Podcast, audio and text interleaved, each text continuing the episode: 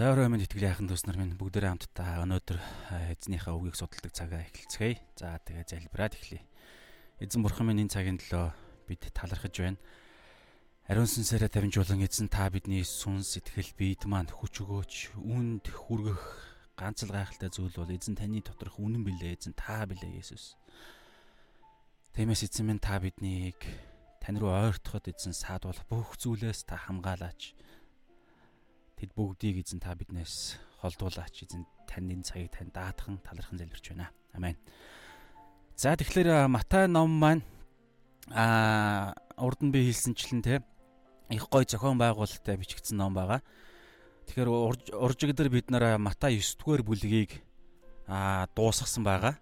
Тэгэхээр Матай 9 дугаар бүлэг дуусах хүрт өнөөдөр одоо Матай 10 дугаар бүлэг эхэлж байна. Тэгэхээр бүгдээрээ давчхан юг араадах юм. Матай номныхаа бүтцийг хараадах. За тэгэхээр тэнд юу байгаа вэ гэхээр а Матан ном маань 6 хүүрнэл одоо үйл явдал өгүүлэмж үйл явдал явдлыг одоо бичээчин зүгээс өгүүлсэн хүүрнэл таван илтгэл яг Есүсийн шууд ярьсан илтгэл номлол те одоо юу гэдэг а таван яг өгсөн илтгэл номлол нь байгаа. Тэгэхээр яг ингээ ээлждээ явж байгаа. Тэгэхээр 9 дугаар бүлгээр 6 2 дахь хүүрнэл дууссан байгаа. Тэгэхээр одоо 10-аас 10 дугаар бүлэг маань өөрөө хоёр дахь илтгэл буюу Есүс Христийн шууд ярьсан одоо өгүүлэмж номлол нь байна гэсэн үг. Заах хичээл нь гэсэн үг. За тэгээд бүгдээрээ өнөөдөр 10 дугаар бүлгийг эхлэхэд урдны өмнөх бичлэгээр үздсэн зүйлс яг 9 10 дугаар бүлгийн хооронд хооронд маш гайхалтай холбоос байгаа. Тэгэхээр энийг заашгүй ярих шаардлагатай байна. Тэрний юу гэхээр Есүс Христ аа Месиа гэдгээ өөрийнхөө тослогдсон Тэнгэрээс бууж ирсэн бурхны хүү, бурхан гэдгээ. Тэгээд хүний тэ хүний хүү болон энэ дэлхий дээр авралыг үйлчлүүлэхээр эрх тэр томилогдсон, тослогдсон цор ганц тэр нэгэн гэдгээ эрх мэд тэр эрх мэдлээ хүч чадлаа Есүс Христ. А бүх хот толсгодуудаар явж синагогуудад нь зааж үннийг зааж хаанчлалын үннийг бид нар тэгээд уулан дээрх сургаалыг гээд үзээ явсан те тэгээд хаанчлалын сайн мэдээг тунхаглаж тэгээд бүхий л төрлийн өвчин эмгэгүүдийг эдгэж эдгэшгүй янз бүрийн өвчнүүдийг эдгэж төрөл бүрийн чөтгөрүүдийг хөөн зайлуулж явсан. Тэгэхээр энэ бол ерөөсөө яг хуучин гэрээний Исая 35 61 аа номуудад иш үзүүлэгч Исаяагаар иш үзүүлэгдсэн тэр а томилогдсон амлагдсан тэр месиа гэдгийг месиа ирэх үед бий болох тэр тэмдэг а бодиттой болох үйл явдлууд багхгүй. Тэгэхээр тэрийг цор ганц месиа хийн гэдэг тэрийг л Есүс Христ яг хийж явсан байгаа. Тэрийг Матай Матай яг энэ 8 9 дугаар бүлгүүдээр түүний түүний үйлдэлсэн хаанчлалын гайхамшгуудыг бичсэн байгаа. Тэгээд яг одоо энэ бидний 11-ээс өмнөх тэр хамгийн сүүлийн багц ишлэл болох хэсэг болох Матай 9-ийн 35-аас 38 дээр гарч байгаа үйл явдал байхгүй. Тэгээд бүгдийг Матай яг дүгнж гин гэсэн үг. Тэгээд ингээд зааж идгээж номлож ингээд явцсныхаа дараагаар нь тэр асар олон хүмүүсүүдийг хараад а Есүс Христ маань тэр хамаг байдгаараа бүх зүйлээрээ эд эсээрээ өрөвдсөн байгаа. Асар их ургац, асар их тэр хончингуу хонин сүрг, хонь мэтг тэр олон хүмүүсүүдийг хараад өрөвдсөн. Тэгээд нэг зүйлийг хэлсэн. Тэр зүйл өнөөдрийн бидний үзэж байгаа хэсэгтэй маш холбоотой. Юу гэж хэлсэн бэ гэхээр дагалдагч нартаа хандж хэлсэн. Дагалдагч нартаа юу гэж хэлсэн бэ гэхээр ургац асар их байна одоо ургацыг хураах адилчт нь хураагчт нь цөөхөн байна. Тийм учраас ургацын эзнээс та өөрийнхөө ургацын талбаар байгаа ургац хураах адилчдыг илгээгэж гэж та нар гуйцгаа гэж хэлсэн. Тэгээ энэ дээр энэ дээр бол ямар санаа байгаа гэхээр Есүс Христ тэр асар олон хүмүүсүүдийг хараад өрөвдсөн сэтгэлээрээ Есүс Христ зааж, номлож, эдгэж байсан. Тэгэхээр яг тэр тэр сэтгэлээ сэтгэлийг та нар гууж авцгаа гэсэн бас нэг тийм санаа байгаа.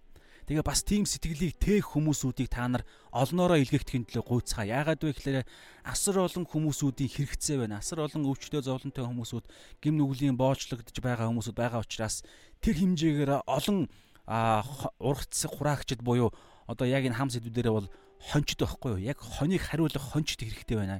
Яг эзнийхээ хоныг нь хариулаад явах. Тэгээд бид нар үтсэн шүү дээ. Хооллох хончны хийдэг зүйлүүд хоололдог, хамгаалдаг гэж ярьсан те. Тэгэхээр өрөвдөх сэтгэл нь байх хэрэгтэй. Яг Есүс Христ шиг. Тэр олон хүмүүсүүдийг хараад Есүс Христ өрөвдөөд энэ үгийг хэлсэн. Тэгэхээр яг энэ өрөвдөх сэтгэлийг та нар гуйцгаа. Тэгснээрээ та нар хамгийн түрүүнд а энэ хүү ургац хураалтанд оролцох юмаа гэдэг энэ зүйлийг хэлээд 10 дугаар бүлэг эхэлж байгаа гэсэн үг. Тэгэхээр Лук номыг анзаарах юм бол юу байгаа вэ гэхээр Лук номдэр ингэсэн байгаа.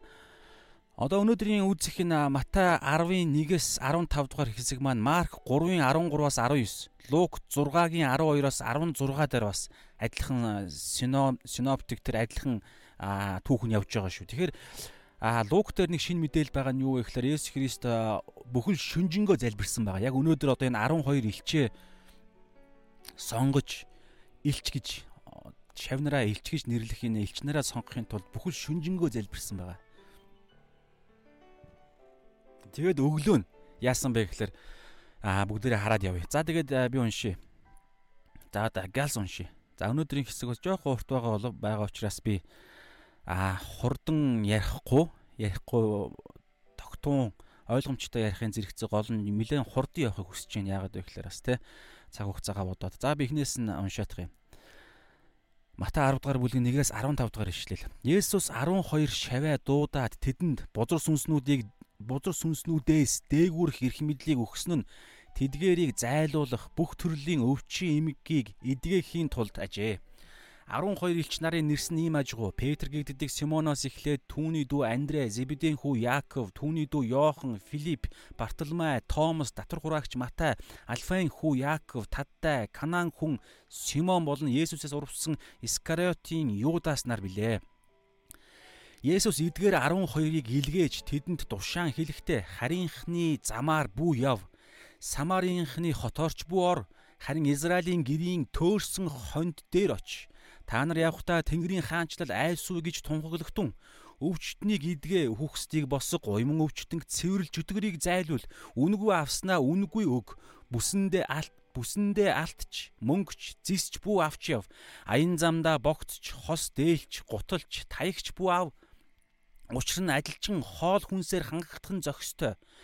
Ямар ч хот тосгонд очисон тентхийн зохистой хүнийг олж мэдээд явтлаа тэндэ бай. Айлд орохдоо мэндийг нь мэд. Айлчин зохистой бол амар амгалан чинь тэдэнд хүрг. Харин зохисгүй бол амар амгалан чинь та нарт буцаж ирг. Та нарыг эс хүлээн авахчийн та нарыг эс хүлээн авахчийн үгийг чинь үл сонсогчийн гэрээс эсвэл хотоос нь гарахтаа хөлийнхөө тоосыг сэгсэрч унгаа. Үннээр би та нарт хэлий. Шүүлтийн өдөр Содом ба Гомора нутаг нь тэр хотоос илүү хүлцхүйц байх болно. Амен. За тэгэхээр нэгдүгээр ишлэлийг харах юм бол Есүс 12 шав нараа дуудсан байгаа. За тэгэхээр ингээд судал одоо би ингээд судалж олж мэдсэн зүйлсээ бүгдийг нь ингээд те аа мэдээлэлээ ингээд базаа танд ярьж байгаа шүү. Яг 100% өөрөөсөө яг өөрийнхөө хувийн одоо библи судал биш олж мэдсэн зүйлсүүдтэй хамтдаад явж байгаа учраас энэ дунд бас хэрэгтэй зүйлс байгаа хаа гэж найдаж байна.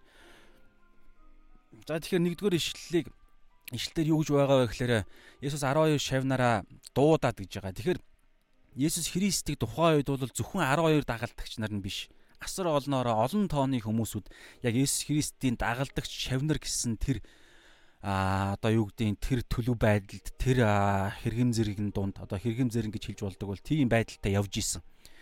Энийг юунаас харж болох вэ гэхээр дараагаар нь анзаарах юм бол Иесус бас 70 хүнийг илгээдэг те явгаж байгаа хот тосго тосгодынхоо тосгод руу өөрөөсөө өмнө 70 хүнийг илгээгээд бас эрх мэдэл өгөөд 2 2-оор нэлгээгээ явуулдаг.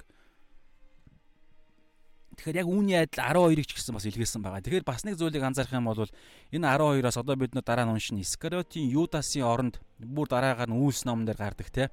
Искариотийн Юдас Есүс Христээс урваад Тэгээд өөрийгөө амиа хорлсон учраас 12 дагалдагч болгон нөхөх шаардлагатай болоод тэгээ Петр шав хаяж хоёр хүнээс нэгийг нь сонгодог. Тэгээд тэр нь бол Матия гэдэг хүн сонгогдсон байгаа. Тэгэхээр тэр Матияг та нар энэ дараа нь гарна тэрэн дээр анзаарах юм бол яг анханасаа Йохан Баптистийн а Йохан Баптистаас эзэн маань баптист тосолгоо тэ баптизм усан бапталгаа хүртсэн цагаас эзэн биднээс өргөгдөн явах хүртэлх хугацаанд бидэнтэй хамт байсан ирчүүдээ сонгож байгаа. Тэгэхээр Есүстэй Есүсийн үйлчлэл эхнээс нь дуустал нь хамт байсан асар олон хүмүүс байсан. Тэр дундаас Есүс Христ 12-ыг яг сонгох сонгохын тулд урд шүнэнтэй шүнжэнгөө залбирсан гэж байгаа шүү дээ. Эзэн тэр гурвуулаар орчигч бурхны тэр төгс төлөвлөгөө байна. Тэгэхээр 12 12-ын тоо гэдэг бол бид нар бас мэдэн те. Израилийн 12 хүүгүүдээс 12 овг аймаг гарч байгаа шүү дээ. Тэгэхээр 12 гэдэг тоо бол утга учиртай тоо байгаа. За тэгээд бүгдээр цаашаа харъя. Тэгэхээр 10 Есүс 12 шаваа буюу дагалдагч нараа дуудаад одоо бол илч гэсэн үг нь байхгүй байгааз зүгээр нэг асар олон хүмүүсүүдийнх нь нэг нь 12 нөхгүй юу нөгөө 70 70-аас ч илүү байж илүү байгаа. Тэгэхээр тэр олон шавнар disciple шавнар гэсэн хүмүүсүүдээс 12-ыг нь дуудаад тэдэнд эрх мэдлийг өгсөн. Тэр эрх мэдэл дотор нь тэр эрх мэдэл нь болохоор грек грек хэрэг ямар утгатай үг байгаа гэхээр үйлдэл хийх эрх мэдэл а хүч хүч хэрэглэх эрх мэдэл ч гэдэг юм уу те. Ерөнхийдөө бол эрх мэдэл хүч чадал хоёр гэсэн санаа байгаа. Тэгэхээр Есүс тэдэнд бузар сүнснүүдээс дээгүүрх эрх мэдэл хүч чадлыг өгсөн гэсэн үг бузар сүнснүүдээс дээгүүрх эрх мэдлийг өгсөн нь тэдгэрийг тэдгэрийг зайлуулах бүх төрлийн өвчин эмгийг эдгэхийн тулд ажээ. Тэгэхээр ингээ анзаарах юм бол хараа а Есүс Христ түрүүн би 9-ийн 35-аас 38 дараа Есүс Христ яасан гэлээ. А бүхэл хот тосгодуудаар явж синагогуудад нь зааж хаанчлалын сайн мэдээг тунхаглаж номлож бүх төрлийн өвчин эмгийг эдгэж чөтгөрүүдийг хөөж байсан энэ бол месиа ирсний тэмдэг тэмдэг багхгүй юу? Хуучин гэрээн дээр Исаяадаар тэгж байгаа. Сохор нь хараа орн те доголныг нь буг мэт дүүлнэсэн те ингээд месиа ирэх үед бий болох тэмдгүүд. Түүнээс хуучин гэрээнд Есүс Христос өмнө та бид нар үтсэн дээ. Есүс Христос өмнө бол а сохор хүн хараа орж байгаа тохиолдол те тэгээд чөтгөр шүглсэн хилгүү гэдэг энэ хүн хилгүү мөртлөө чөтгөр шүглсэн энэ хоёр давхцсан тохиолдол тохиолдол тохиолдол нь тэгээд эдгэрж байгаа чөтгөр нь гарч байгаа тийм тохиолдол ерөөсөө байж байгаагүй гэх мэтчлэн хүмүүс ингээд эзнийг магтажсэн аа бид нэр хүүрнэлийн хэсгийг үтсэн 9 дугаар бүлэг дээр. Тэгэхээр энэ юу хэлэх гээд байна вэ гэхээр месиа гэдгээ Есүс Христ баталсан гэсэн үг. Тэгээд месиагийнхаа тэр эрх мэдлийг Есүс Христ 12 дагалдагч нартаа өгөхдөө миний нэрээр миний илгээж байгаа. Миний одоо өгж байгаа эрх мэдлийн дагуу гэсэн санаа байхгүй юу? Тэгэхээр энэ 12 а шавнар нь тийм эрх мэдлийг тийм эрх мэдлийг Есүс тэдэнд өгж байгаа. Тэр нь юу гэхээр сүнслэг ертөнц гэж байгаа те. Сүнслэг ертөнц, мах бодийн ертөнц. Одоо өвчин зовлон үхэл гэж байгаа шүү дээ те. Хамгийн одоо мах бодийн хамгийн төгсгөлийн хязгаар нь гэдэг юм уу тэр хязгаарлагдмал тэр хараалж гэдэг юм одоо юу гэдэг тэр зүйл нь зүйлээс бүр давсан мах бодийн ертөнцөөс сүнслэг ертөнцөөс дээгүүрх эрх мэдэл одоо энэ дээр байгаа зү сүнснүүдээс дээгүүр хэрэг мэдлийг өгсөн нь тэдгэрийг зайлуулах сүнслэг ертөнцөөс дээгүүр хэрэг мэдлийг өгж байгаа. Энэ хэний хэрэг мэдлэг бай гэхлээр месиагийн хэрэг мэдл. Нөгөө нэг цор ганц түүхэнд эргэтгэр нэгэн буюу Есүс Христ өөрөө те эхлэл 3:15 дээр амлагдсан тэр сатаныг толгойг нь бяцлах энэ эмхтэн үр удам гэж байгаа тэр нэгний эрх мэдл гэсэн үг байхгүй юу. Тэгээд тэр тэр нэгэн өөрөө өгж байгаа. Хин нэгэн хүнээс биш бурхан өөрөө энэ дэлхий дээр хүн болж ирсэн учраас бурхан л хин нэгэнд гайхамшигыг үлдэх бүр сүнслэг ертөнцид а ертөнцөөс дээгүүр хийх мэдлийг өгдөг нэгэн бол зөвхөн бурхан бас өвчнүүдийг уучладаг бид нар саа өвчтөй хүнийг эдгэж байгаа хэсгээр бас үтсэн шүү дээ хүний хүү газар дээр хэрэг мэдлийг уучлах эрх мэдэлтэй гэж хэлсэн. За тэгээд энэ дараад бүх төрлийн өвчин эмгийг эдгэх энэ бол физикал ертөнц буюу мах бодийн ертөнц. Тэгээд дээгүүр хэрэг мэдлийг он бурхан өгсөн байгаа. Бүх төрлийн өвчнүүдийг эдгэх хүч чадал гэх мэдэл бүх төрлийн сүнснүүдийг хөөн гаргах бузар сүнснүүдийг хөөн гаргах хүч чадал эрх мэдлийг өгсөн байгаа юм.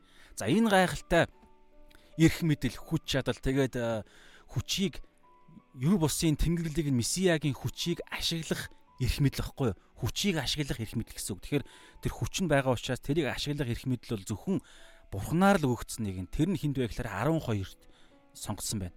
Нөгөө 70-аас жишээ нь те хасгаар хэд болж байна? 58, 58-д өгөгдөв гэсэн үг واخгүй юу жишээ нь 12-т л өгөгдсөн гэж би бол бодож байна. Аа тэгээ чаашлаад миний бодлоор бол дараагаар нь ч нөгөө нэг аа ариун сүнсний баптизм ариун сүнс энэ дэлхий дээр бууж ирдэг штэ. А Иесус Христийн өргөлтөөр тэр үед 120 хүн дээр ариун сүнс бууж ирэхдээ хүч чадалтай бууж ирдэг те. Тэгэхээр яг Иесус Христээс одоо юу гэдэг загалмаа үйл явд болохоос өмнө бол яг Иесус Христ тухайн үед хүнд чинь дараагаар нь 70 хүнд өгөгддөг те. 70 хүнд ямар байдлаар өгөгдөж чинь яг тухайн үед бид нар судлаа. Яг тэдгээр хүмүүсүүд Иесус Христ одоо юу гэдэг яг ингээд биечилж гарчилж яг ингээд тэр өгж байгаа сонгож байгаа тэдгээр хүмүүсүүд дээр яригадаад байгаа байхгүй. Харин өргөлтийн дараа ариун сүнс бууж ирэх үед тэндээс бүр бүр тогтолцоо бий болж байгаа. Итгэлийн тогтолцоо, итгэлээр аврагддаг, итгэлээр энэ хүч цаашаага дамждаг, ариун сүнс орж ирдэг гэдэг. Тэгэхээр одоо бол энэ маш онцгой нөхцөл учраас зөвхөн 12 гэж яригдж байгаа. За тэгээ бүгдээр цаашаа хараад явъя. Тэгэхээр 2 2-оос 4 дээр 12 шав нарыг дагалдагч нараас одоо хэд үдэ асар олон хүмүүсүүдээс 12-ыг нь сонгоод элч нар гэж нэрлэж байгаа.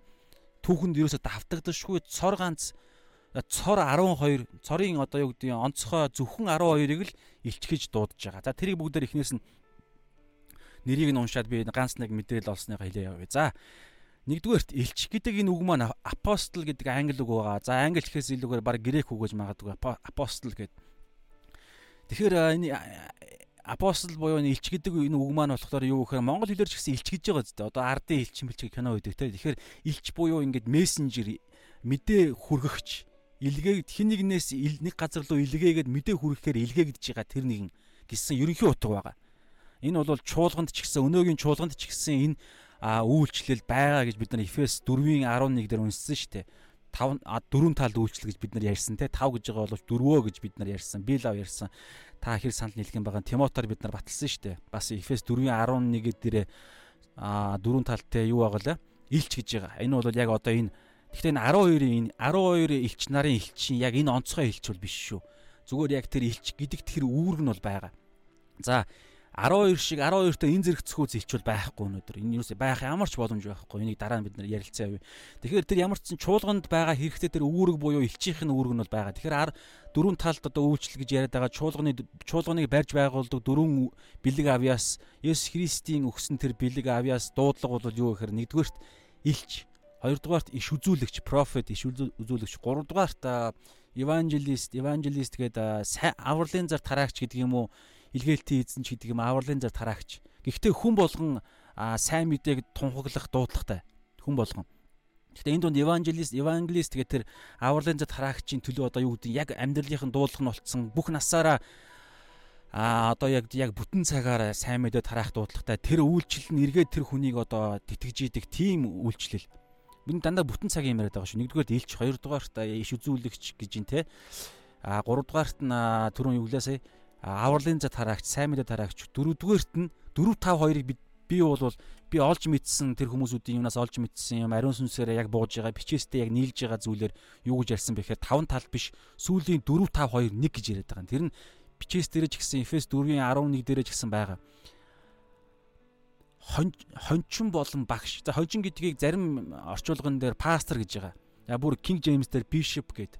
Тэгэхээр хончин одоо бол бидний чуулганы пасторууд байхгүй юу. Тэгээд яг Библийн хэллэгээр бол хончин гэдэг үг. Бид нар үзсэн шүү дээ. Хончин пастор гэдэг үг яг нэг грек үг байна гэд. Poipen гэдэг. Poimen үлээ Poipen үлээ мартчих өмнөх бичлэгийг та үзээрэй байгаа. Тэгэхээр нэг үг үг байгаа. Тэгэхээр хончин ба багшгээ явж байгаа. Тийм учраас даслал бүгдэн дээр нь даслал яваад хончин ба багш дээр л даслал байхгүй. Хончин болон багш гэдэг нь нэг үйлчлэл болчихж байгаа байхгүй. Нэг одоо үйлчлэлийн чуулганы нэг үйлчлэл. Тэгэхээр аа би сайн хэлж байгаа нь те энэ 12 илч болохоор саяны тэр Эфес 4-ийн 11 дээр байгаа тэр дөрвөн талд үйлчлэгээд байгаа чуулганы тэр хэрэгцээтэй тэр зүйл мөн боловч өнөөдрийн ярьж байгаа энэ 12 илч бол түүхэндээ дахин давтагдшгүй цор ганц илчүүд байгаа. Тэгэхээр энэ ямар байдалтай орчуулгадах вэ? Ямар байдалтай бид авч хилцэх вэ гэхээр бүрэн эрхт төлөөлөгч нар гэсэн утгатай. Одоо бус нь бол яг тухайн мэдээ ч юм уу те ингээд энд одоо юу гэдэг энэ нэг орон тоонд ингээд цаг үе цаг хугацааны үе болгон түүхэн явцад ингээд янз бүрийн хүмүүс чуулган болгон дээр орон нутгийн чуулган болгон дээр ингээд энэ зүйл давтагдана шүү дээ. Гэхдээ энэ 12 маань болохоор түүхэн давтагдчихгүй, дахин хизээж давтагдчихгүй. За 12 гэж байгаа боловч яг түүхээ ингээ харах юм бол 14 байгаа шүү. Яагаад вэ гэхээр Юдас, Искариотийн Искариот Юдас а эзнээс урвж амиа оруулсан учраас энэ үүрэг нь байхгүй болцсон. Тийм учраас Матияг сонгоод Матия сонгосон байгаа. Дараагаар нь Паул Паулыг бас илч болгон харь үндснүүдийн төлөөх илч болгон сонгосон байгаа. Тэгэхээр яг энэ 12 одоо юу гэдэг яг энэ онцгой түүхэн илч гэдэг энэ орон тоонд яг түүхэн явцдаа бол 4 14 хүн орсон гэсэн. Нэг нь а эзнес урвсан учраас оронд нэг хүн орохын тулд 13 дахь нь болоо. Тэгээд Паул сүулдэ а тэр авралын төлөвлөгөөний дагуу 14 дахь нь болж. За 14 дахь гэх юм уу 13 дахь гэх юм уу та ямар ч зэн юм байна. За тэгээ бүгдээр нэрсүүдийг нь харъя. Тэгээ эдгээр 12 маань бүгдээрээ яг Есүс Христийн нүдэн гэрч нар байгаа. Хамгийн анхны элч нар нэгдүгээр хам тэгээд хоёрдугаар а чуулганыг яг хамгийн анх бүрэн эрэхтэй эрэхтэйгээрээ чуулганыг яг Есүс Христийг бүрэн төлөөлж бүх зүйл дээр нь хамт байсан а тэр одоо энэ сайн ярьж байгаа сүнслэг ертөнц махуудын ертөнцөөс дээгүрх эрх мэдлийг Есүсээс яг гардан авсан. Тэг бүх зүйл дээр хамт байсан учраас Тэгээд эзэнтэй хамт шүнжэнгөө залбирж энэ 14 12-ыг сонгосон гэж штэ. Тэгэхээр тийм учраас энэ маш онцгой учраас энэ анхны элч нар тэгээд анхны чуулганыг яг үндсийг нь тавьсан хүмүүс тэгээд Библийн бичээч нар штэ. Эдгээрээс Библийн эдгээр нь бүгд шин гэрээний бичээч нар энэ дунд байгаа. Бүгдээрээ бүгдээрээ биччихсэн ингээд бүгд бүх бичээч нар энэ дунд байгаа гэсэн. Зарим нэг нь мэдээж ганц нэг зүйл нь өөр болоо явж байгаа ч гэсэн. За тэгэнгүүтээ тэгээд бүгдээрээ нүдэн гэрчнэ. За тэгээд бүгдээрээ яа эхнээс нь харъя. За дандаа холцоо хой хоёроор л ер нь таарад байд юм билэ. За нэгдүгээр Симон одоо ингээд 12 элч нарыг хаанч дуу сайн мэдээний дөрвөн номын хаанч дурдсан яг Симон Петрээр эхлээд Юдасаар дуустдаг. Гэсэн. За би харъя. Симон өөрийнх нь нэр. За Есүс түүнийг Петр гэж нэрлсэн. За Симон Петрийн дүү Андрэ. За энэ хоёр хоёулаа Битсайд гэдэг хотоос гаралтай юм билэ. Тэгээд Битсайтаас нь бас Филипп Филипп Битсайд хотын Филипп. За тэгэнгүүтлээ Филипп өөрөө Бартоломайг а дуудаж Есүстэй нэг Йохан 1-ийн 45-аас 51-ийг та унших юм бол байгаа. Тэгээ Филипп Бартоломайн өөр нэг нэр нь Натанаэл гэдэг нэртэй. Йохан 1-ийн 45-аас 51 дээр гарч байгаа Натанаэл бол Филипп а Бартоломай шүү заяа. Та энэ би яг баталгаатай их сурвалжаас авсан. Тэгээд Йохан 21-ийн 2 дээр мөн гарч байгаа. Галилийн Канагийн Натанаэл буюу Бартолмай. За ингээд нэмэлт мэдээл. За тэгээд Петр болон Андрэ ах トゥ хоёр, тэгээд Яаков, Йохан хоёр ах トゥ хоёр. Зебеден гэдэг Зебеден хүүгүүд. Есүс түүнийг Марк дээр юу гэж Марк яг одоо энэ 3-ын 13-аас 19 дээр юу гэж нэрлсэн бэ гэхээр аянгийн хүүгүүд буюу Бонергес гэдэг нэр өгсөн. Аянгийн хүүгүүд Яаков, Йохан. Тэгэхээр Есүс Христтэй хамгийн ойрхон байдаг гурван хүн байсан те. Тэрнийх нь тэр гурвынх нь Петр, Симон Петр байна.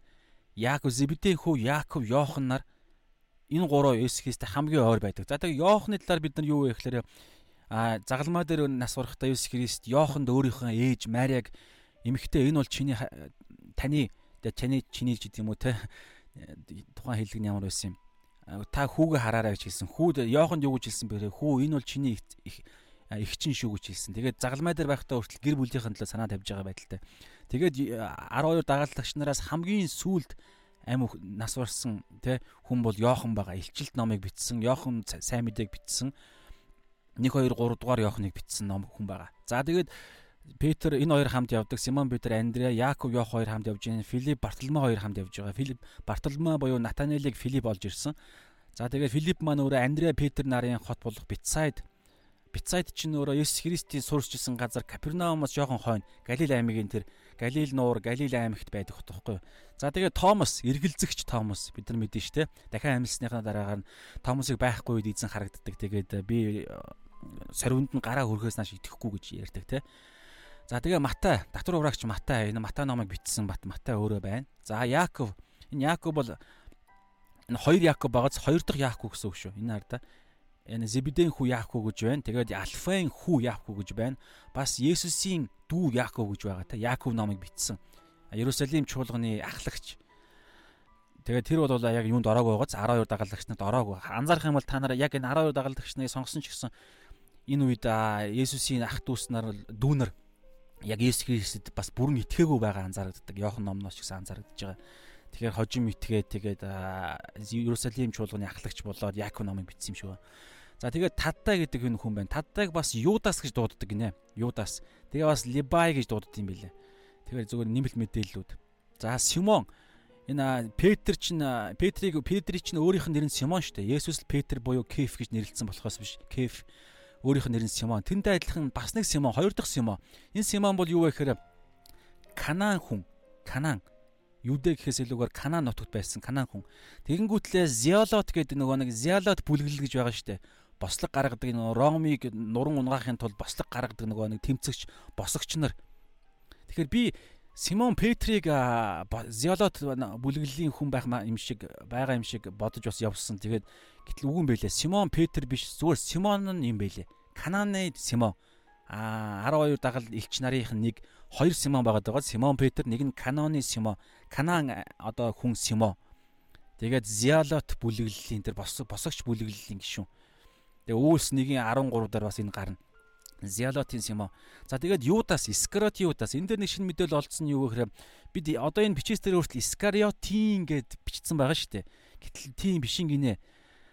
Юу гэхээр Искариот гэдэг чинь Кариот гэдэг энэ үг байна шүү дээ. Одоо энэ Кариот гэдэг байгаа. Энэ Кариот гэдэг энэ үг чинь энэ чинь болохоор Юдэ аймагт нэг жижиг тосхон юм байна.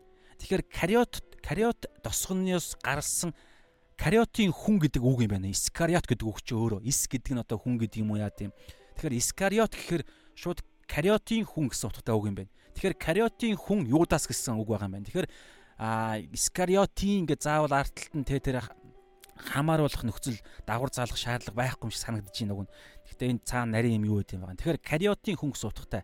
Тэгээд Есүсээс урвсан хүн шүү дээ урвагч. За тэгээд нэмэлтээр бол Үйлс 1:21-с 26 дээр а та нэг уншаараа Матиаг хэрхэн сонгож байгаа талаар гарна. За Матиа энэ яг яг адилхан эхнээсээ дуустал бүгд хамт байсан хүмүүс шүү. Тэгээ энэ дундаас Матиа бас ингэж 12 дахь буюу за яха 13 дахь гэж хэлж болохоор боловч Юдас байхгүй учраас орон тоогийн заавал биелүүлэх шаардлагатай гэж үзсэн учраас Матиаг сонгосон. За Паул бол сүүлд Паулынх нь өөрийнх нь нэр Саул. Тэгээ тэрээр Паул гэж нэрээ өөрчилсөн. Цаад утгыг нь бас судлаад явна. Энэ яриа нэг ямар нэг утга учир байгаа гэж таараа. За тэгээд хариу үндснүүдийн төлөө хэлж болсон. За ингээд Матай 11-ээс 5 4 хүртэл ингээд ишл болчихж байгаа. За тэгэхээр энэ дээр нэг зүйлийг би олж мэдсэн зүйлээ хуваалцъя. Юу гэхээр за энэ иш элч нар байна штэ. Аа элч нар түрүүн бид нар ямар эрх мэдлийг бурхан өгсөн эзэн Есүс Христ өгсөн гэлээ. Сүнслэг ертөнцийн сүнслэг ертөнцөөс дээгүүрх мах үдийн энэ дэлхийн мах үдийн ертөнцөөс дээгүүрх эрх мэдлийг өгсөн. Энэ бол чуулганы үүсгэн байгуулагч нар штэ анхны чуулганы Тэгээ бас Петерт хэлдэг штэ. Та бол та нар намайг хин гэж хин гэж бодож ийн гэд хэлэх үе асуух үед за ингээд өөр хүмүүсүүд хотынхан юу гэж ингээд баахан юм хэлдэг те. Илия Милия иш үзүүлэгч мэзүүлэгч гээд та нар тэгвэл юу гэж бодож ийн гэсэн Петр? Та бол Христ амьд бурхны хүү гэдэг те. Та бол Христ гэдэг нь бол Месиа гэсэн санаа байгаа. Хүний хүү гэсэн Давидын хүү гэсэн санаа байгаа. Амьд бурхны хүү гэхээр бурхны хүү. Тэгэхээр хүний хүү бурхны хүү гэдэг энэ систем теологийн Иесус Христ бол 100% бурхан 100% хүн гэдэг энэ түүний цаад мөн чанарыг нь илэрхийлсэн. Тэгээд итгэлийн хамгийн чухал ойлголт гэхгүй юу. Тэгэхээр энэ энэ тунхаглал энийг чамд мах цусчин биш а бурхан чамд ариун сүнс чамд илчилсэн. Тэгээ энэ ойлголтын дээр би чуулгана байгуулна гэж хэлж байгаа. Тэгэхээр энэ итгэл маш чухал. Тэгэхээр 12 дагалдагч 12 элч нар элч шүү. 12 элч нарын тэр итгэл дээр бичсэн зүйлс дээр тэдний тэр аа байгуулсан зүйл суурин дээр чуулган байгуулагдаж байгаа. Тэгээд тэр эрх мэдэл цаашаа дамжиж байгаа байхгүй юу. Тэгэхээр Эфес бид нар өмнө өмнөх бичлэг дээр үзсэн шүү дээ. Эфес 4-ийн 11-ээс 10 11 дээр бид нар үзсэн те нөгөө дөрвөн талд үйлчлэлийн талаар 5 гэж байгаа боловч үндсэндээ жинхэнэ утга дээр дөрвөн талд үйлчлэл юм аа. Пасторд бол заах багшийн үүргэрэл зайлшгүй байгаа гэдгийг Тимот номоор номоор бид нар бас тайлбарлсан дээ. Баталсан. За тэгээд та өмнөх бичлэгийг үзээрэй. Тэгэхээр өнөөдөр бүгдээрээ Эфес 4-ийн 11-ээс 13 болгож илүү чааш нь дэлгэж хараа. Энэ дээр маш чухал юм байгаад байгаа. Олж мэдсэн зүйлээ би ингээд ойлгож ухаарсан зүйлээ хаваалцж чинь. За, Есүс Христ энэ нөгөө нэг Христийн биедэх эв нэгл гэсэн хамаарал хам сэдв багхгүй юу? Энэ дунд байгаа. Энэ том багц ойлголтын дунд. За 11-ээс ингэж байгаа. Тэр тэр гэдэг нь Есүс. Есүс а зармийг нь илч. За одоо нөгөө дөрвөн талд үйлчлэл гэдэг байгаа. Дөрвөн чуулганы дөрвөн үйлчлэл үйлчлэлийнх нэгдүгээрт нь илч гэж интэй. Энэ бол нөгөө яриад байгаа энэ илч байна. А тэгтээ 12 илч биш биш гэж хэлсэн те. Энэ илчийн үүрэгтэй байгаа. За нэгдүгээрт а илч. Тэгээ зармийг нь иш үзүүлэгч. Энэ Есүс өөрөө тэр зармийг нь илч, зармийг нь иш үзүүлэгч, зармийг нь сайн мэдээ тунхаглагч буюу номлогч энэ бүх хүн ийм үүрэгтэй бас байгаа шүү. Зармийг нь хончин ба багш гэж байгаа юм. Хончин, shepherd, pastor гэдэг нэг үг англи хэл дээр. Яа грек хэл дээр нэг үг а заримыг нь хончин ба багш ингээ хамтдаа дөрв дөрвөн талд дөрвөн хүний дөрвөн төрлийн үйлчлэл хэвгүй дөрөвтг нь хоёр юм дагалд заавал дагалдана гэж байгаа. Тэгэхээр энэ араа ингэж өгж байгаа зорилгыг бүгд одоо чайшлуулж харах гэдэг. А багш болгосон нь ариун хүмүүсийг үйлч үйлчлэлийн ажилд бэлтгэж Христийн биеийг байгуулахын тулд юм аа. Тэгэхээр ардаа энэ дөрвөн талд үйлчлэлийн чинь чуулганд байгаа энэ дөрвөн талд үйлчлэлийн зорилго нь юу вэ гэхлээр ариун хүмүүсийг олон тоон дээр ариун хүмүүсийг үйлчлэлийн ажилд бэлтгэж үйлчлэлийн ажилд нь ингэж хуйглаж бэлтгэж ингэж барьж байгуулахын үйлчлэлийн ажилд хэрэгцээтэй байгаа бүх мэдээлэл бүх зүйлсээр нь хангахын тулд энэ дөрвөн талд үйлчлэл чинь чуулганд байдаг энэ бэлэг энэ дуудлага байгаа гэсэн үг. Ариун хүмүүсийн үйлчлэлийн одоо missionary гэж байгаа тэр үйлчлэлийн ажилд бэлтгэхийн тулд энэ дөрв байгаа гэсэн үг байхгүй юу? За аа бэлтгэж тэгээ Христийн биеийг Аа тэгээд тэр ариун хүмүүсийн тэр үйлчлэлээ хийж байгаа зорилго нь хүртэл хардаа Христийн биеийг байгуулахын тулд Христийн биеийг байгуулахын тулд тэгээ ингэж Христийн биеийг байгуулж байгаа тэр хэлбэр нь болохоор юу вэ? Ямар зорилготой вэ? Энэ ямар үйл явц вэ гэхэлэр бүгдээрээ бүх хүмүүс, бүх итгэгч нар, бүх Тэнгэрийн аанчлалын хүмүүс бүгд итгэлээрээ нэгдүгээрт, хоёрдугаарт Бурхны хүүг мэдэх, Бурхны хүүг мэдэх, мэдэх мэдлэгээрээ нэгдэх нэгдэх зорилготой байхгүй нэгдэх хүртлээ ингэж дөрвөн талд үйлчлэлж ажиллана ариун хүмүүс нь дөрвөн талд үйлчлэлийнхаа хүчээр үйлчлэл одоо талбар болгоныхоо нийгэмч гэдэг юм уу өөрсдөө хаан дуудагдсан дуудагдсан талбар одоо урлаг соёл улс төр эрүүл мэнд хаануудын тэр талбар болгон дээр а дөрвөн талд түрүүн ярьсан дөрвөн талд тэр үйлчлэлийг чуулган дэх дөрвөн талд үйлчлэлээр дамжуулан өөрсдийнхөө дуудагдсан талбар дээрээ бэлтгэгдэнэ.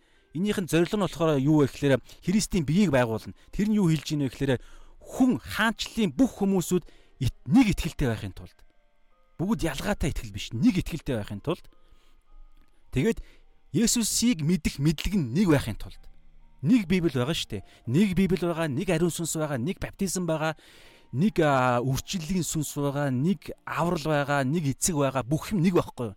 Тэгэхээр ялгаатай байх ёсгүй, ёсгүй. Тэгэхээр яг хэлбэр нь ялгаатай байж болно. Одоо тэр ариун хүмүүсүүдийн үйлчлэлийнх нь хэлбэрүүд нь. Гэхдээ Тэгээ энэ дээр хардаа ийхүү тэр Христийн биеийг тэр Христийн биеийг байгуул байгуулж байгаа Христийн бие гэдэг байгаа тэр зүйл чи юу гэхээр а ямар төлөв байдал байгаа вэ гэхээр түр ярьж штэ нэг итгэлтэй нэг Бурхны хүү буюу Есүс Христийг мэдэх нэг мэдлэгтэй тэгээд төлөвшсөн байхын тулд төлөвшөх хүн болтлоо гэж байгааз төлөвшөх хүртлээ энийг хийнэ гэсэн үг а нэг итгэлтэй болтлоо энийг хийнэ гэсэн үг. Есүс Христийн талаарх нэгдсэн нэг ойлголттой болтлоо хийнэ гэсэн үг. Энэ нэгдсэн ойлголт нь юу юм? Бичээс. Түрүү ярьж байгаа дөрвөн талд үйлчлэлийн чинь дөрөвтг нь буюу пастор а багш хоёр чинь нэг учраас тэр пастор багш хоёр чинь өөрөө энэ ариун хүмүүсүүдийг нэг итгэлтэй болгохын төлөө заана гэсэн үг, хончлно гэсэн үг, хамгаална, хооллно. А нэг мэдлэгтэй Есүс Христийн талаарх Есүс Христ гэдэг нэг л месиа байсан биз дээ нэг л хүн энэ дэлхий дээр ирсэн. Нэг л хүн энэ дэлхий дээр хаанчлалын ажлыг хийсэн. Тэгэхээр нэг хүн байгаад тахад яагаад Есүс Христийн талаарх олон ойлголт байна. Нэг авралын үйл явдал загалмай дээр болсон байтал яагаад олон янз янз бүрийн арга замаар аврагдах юм шиг яриа байгаад байна. Тийм учраас чуулган төлөвшөөгүй байна гэсэн санаа байхгүй юу? Нэгдсэн чуулган. Тийм учраас итгэлээрээ нэгдэхийн тулд аа мэдлэгээрээ нэгдэхийн тулд Есүс Христийн талаарх Есүс Христ бол өөрөө зам үнэн амь гэж байгаа шүү дээ. Тэгэхээр тэр нэг зам, нэг үнэн, нэг амийг мэдхийн тулд Тэгээд төлөвшөхийн тулд бүгд төлөвшсөн байхын тулд нас бий гүйтсэн 90 цент хүрсэн жоохон хөвчөг юм болгон дээр та ингээд ууралдаг амьдралын жоохон жоохон өргөс оронгууд хүүхэд өөлдөг бол том болохоор өргөс ороход хүүхэд хүмүүс өөлхөө болдог штэ. Тогон цохиулаад хүн өөлхөө болно.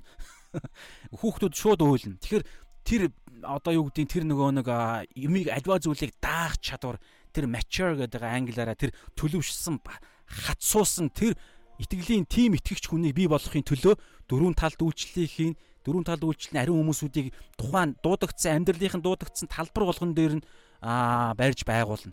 Тэгэхээр хүн болгон тэгэхээр энэ дээр юм байгаа ариун тэгвэл энэ дээр байгаа ариун хүн гэдэг чинь юу юм бэ гэдэг. Тэгэхээр ариун хүн гэдэг энэ ариун тан гэдэг энэ ариун гэдэг энэ үгч нь өөрөө болохоор тусгаарлагдсан хүн гэсэн утгатай үг. Тусгаарлагдсан хүн. Юунаас тусгаарлагдсан? Ариун гэж юу хэлэх вэ гэхээр тусгаар байдлыг хэлдэг. Яг Библийн одоо яг теологийн зөв сүнслэг ойлголт нь бол бузраас тусгаар байгаа тохиол төлөв байдал чи ариун байдал гэхгүй. Гим нүглээс тусгаар байгаа нь ариун байдал. Тэгэхээр бурхнаас тусгаар байвал хүн ариун биш бузар болно гэсэн үг. Бурхнаас тусгаар байгаа чинь өөрөө үхэл гэж ер нь үхэл гэж юу хэлэх вэ гэхээр бурхнаас тусгаарлагдахыг үхэл гэдэг байхгүй. Тэгэхээр мөнхөд үхэн ихээр мөнхөд бурхнаас тустай байна. Тэгэхээр мөнхөд тустай байх боломжтой ямар газар байдаг вэ гэхээр ганц л газар байгаа. Тэр нь там, галт нуур. Тэр нь биднэрт зориулагдаагүй боловч сатан зориулсан боловч бид гим үйлцснээрээ тэр гимээр дамжуулан сатаны боол болцсон учраас тийшээ явах тэр урсгал бий болцсон. Тийм учраас эзэн хүн болж ирж байгаа санаа. Тэгэхээр ариун хүн гэдэг чинь тусгаарлагдана. Одоо юу гэдгийг гимтэн гэхээр бурхнаас тусгаарлагдж байгаа. Ариун гэхээр гим нүглээс, бузар муугаас, харанхуйгаас Христ рүү тусгаарлагдсан хүмүүсүүдийг ариун хүн гэдэг. Тэгэхээр энэ ямар хүмүүсийн гэхээр дөрвөн талд үйлчлэл шиг тийм одоо юу гэдгийг бурхнаас ингэж дуудагдсан биш хүн болгоно. А итгэгч хүн болгоно дуудагдсан нь олон боловч сонгогдсон цөөхөн гэж байгаа. Тэгэхээр Христийг сайн мэдээг хүн өөрөө сонгохгүй болвол бурхан тэр хүнийг сонгохгүй гэсэн санаа байхгүй юу? Яг хамгийн энгийн байдлаар ярих юм бол тэгэхээр хүн сайн мэдээг сонгоогүй хүн өөрөө бурханаар сонгогдохгүй. Гэхдээ бүгдийг нь дууддаг.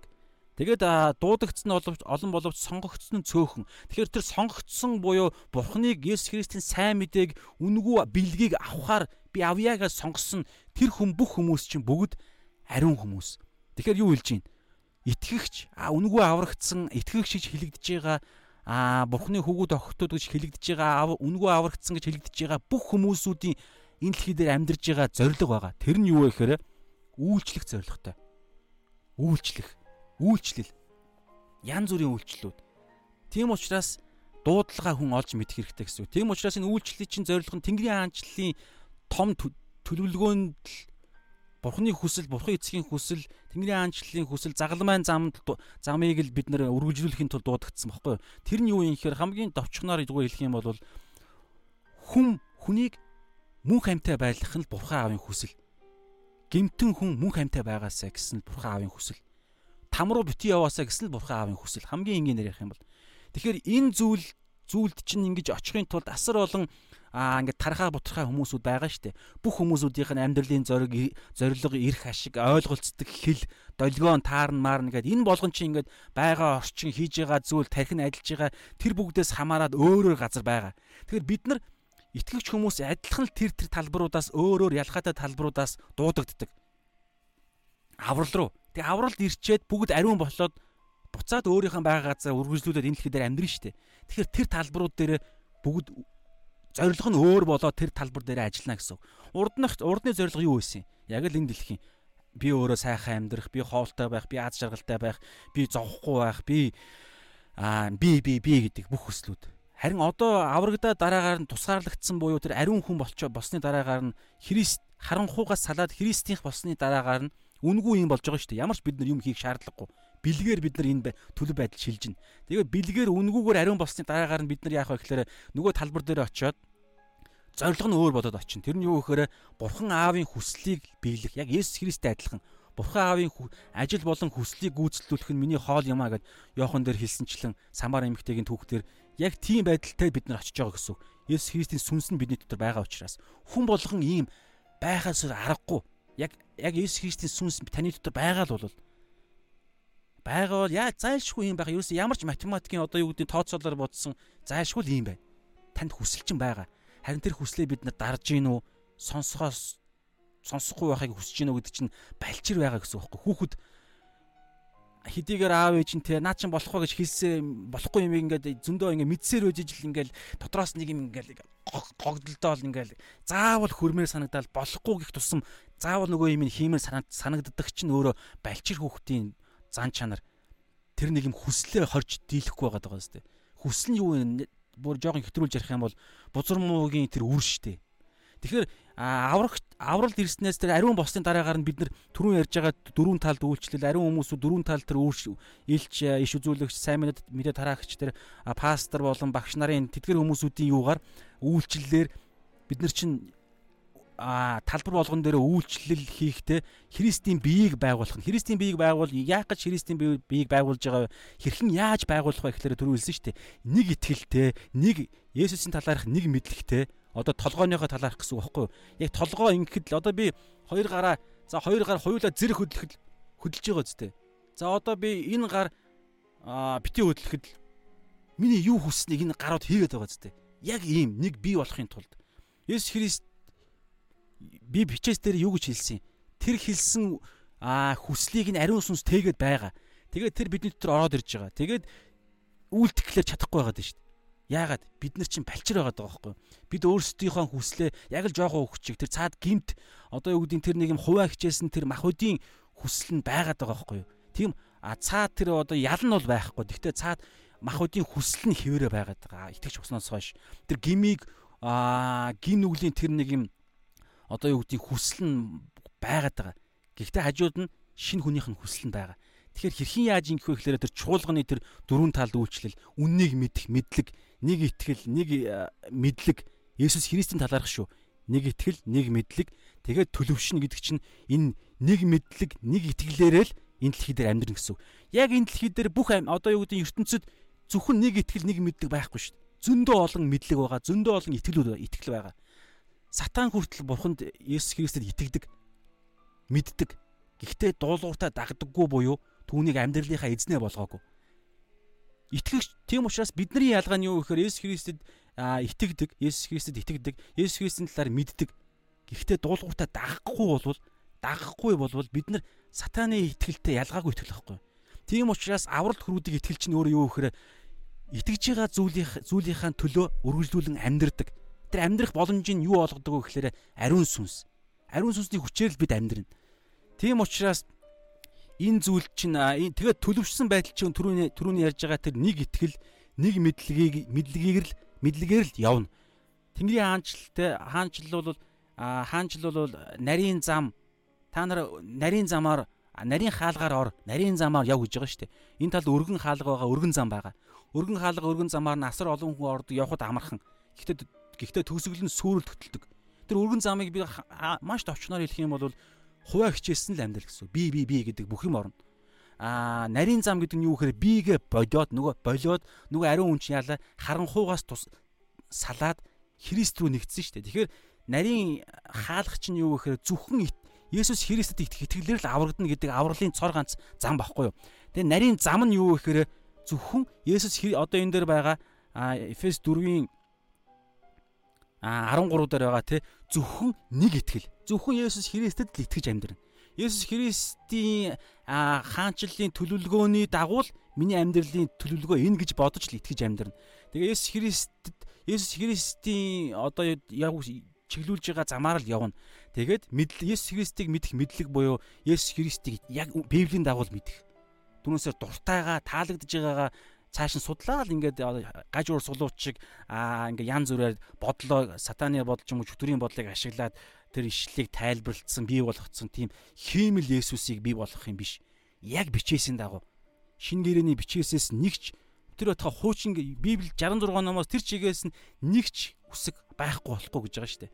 Гэхдээ энийг яаж тайлбарлах уу гэдгээс л ялгаа гарч ирнэ. Хуучин гэрээний хуучраа тэр хуулийн хуучин гэрээний хууль байхгүй болцсон. Гэхдээ одоо бидний дотор уг нь бол та ойлгох хэсэг нь мэдэхгүй байна. Хэрэгжиж байгаа байхгүй юу? Бидний дотор байгаа. Бид тэднийг хэрэгжүүлж байгаа. Өхөөгүй, байхгүй болоогүй. Есүс Христ энийг бүрэн биелүүлсэн хуулийн биелэл болгож Матай 4-р хэлдвэр бүлэг дээр байгаа лээ 5 5 дугаар бүлэг дээр байгаа. Хуулийн биелэлгээ тав уншаарай. Тэгэд Есүс Христийн дотор бид нар байгаа юм бол Есүс Христтэй адилхан хуулийг биелүүлсэн нэгдүгээрт хоёрдугаарт Есүс Христийн сүнсээр дамжуулан үргэлжлүүлэн биелүүлэх. Үргэлжлүүлэн биелүүлсэл байх. Гэхдээ ял байхгүй. Мэдээж дунд нь алдна. Тэгэхээр ял байхгүй. Унахад дахиад нэгүсэлж Есүс Христ ч өөрөө нэгүсэл учраас дахиад бид босно. Гэхдээ босох болгондоо бид суралцсан ариун сүнсний тэр мэрэгэн ухаанаар. Энэ мэдчлээ. Тэгэхээр энэ зүйлд юу аа итгэгч бид нар бүгдээрээ ариун хүмүүс бүгдээрээ үйлчлэх дуудлагатай. Нөгөө яриад байгаа. Тэгэхээр энэ тогтолцоогоор чинь дагалдаж юу орж ирдэг вэ гэхлээр нөгөө яриад байгаа. Аа энэ 12 элч нарт өгөгдсөн тэр эрх мэдэл واخгүй юу? Сүнслэг ертөнцийн мах үдийн ертөнцөөс дээгүүр их эрх мэдэл. Бузар сүнснүүдийг хөөх хөн гаргах бүх өвчнүүдийг бүх төрлийн өвчнүүдийг эдгэх эрх мэдэл нь Есүс Христийн нэрийн дагуу амьдарч амьдарч үйлчилж байгаа нэгэн өөрийнх нь төлөө биш. Бурхны үг бол хоёр талдаа эрт Бурхны үг бол хоёр талдаа эртээ хурц юм а те тэгээд би байнга ирдэг те тэр сүнс сүнс сэтгэл санаа хоёрын заагийг ялгааг мэддэг эзэн гэд үг гээд байгаа шүү дээ. Тэгэхээр бид хизээч хуурч чадахгүй гэсэн. Одоо юу гэдэг би тийм ээ тийм би бурхан өөрийнх нь төлөө энийг энэ үйлчлэлийг хийгээгүй гэж бод бодож байгаа ярьж байгаа боловч магадгүй өөрөө ч бодож магадгүй. Гэтэл цаад бүр сүнс сэтгэлийн төвшөнд зүрх сэтгэл сүнсний төвшөнд яг хуваа хичээгээд энэ үйлчлэлийг хийж байгаа тохиол байх магадaltaй байхгүй. Хэрвээ тийм бол энэ энэ эрх мэдэл өгөхдөггүй. Энэ эрх мэдэл хүчээр ажиллах уу? Есүс Христийн нэрээр гэж байгаа шүү дээ. Есүс Христийн нэрээр аа за тэгээ цаашаа бүгдээр явъя. За би энэ дээр жоохон дутуу уншсан байж магадгүй. Бид 13-ыг Эфес 4-ийн 13-д явж байна. Бид итгэхгүй ба за ингээд нэгднэ гэсэн те. А тэг ингэж байгаа. Би нэг зүйлийг дутуу хэлсэн байна.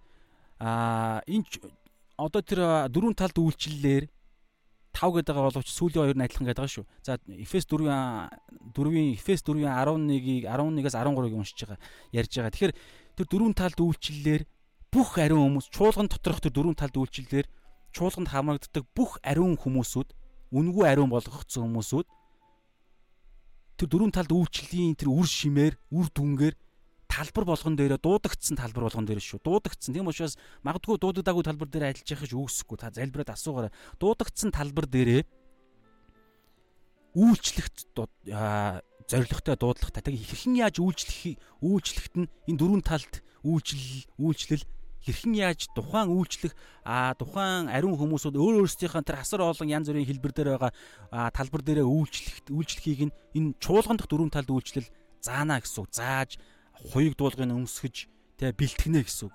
Тэгээд ингэж ингэж байгаа энэ урсгал энэ чиглэл энэ одоо энэ үйлчлэл ерөөсөө ажил гэж яриаггүй а үйлчлэл гэж ярьж байгаа шүү. Тэгээ энэ үйлчлэлийн чинь зорилго нь болохоор юу вэ гэхээр ингэсэн шүү дээ. Христийн биеийг буюу чуулганы гэсэн үг байхгүй. Тэгээ чуулган гэхээр байшин гэж битгий ойлгохоор бүх хаанчлалын хүмүүс гэсэн үг.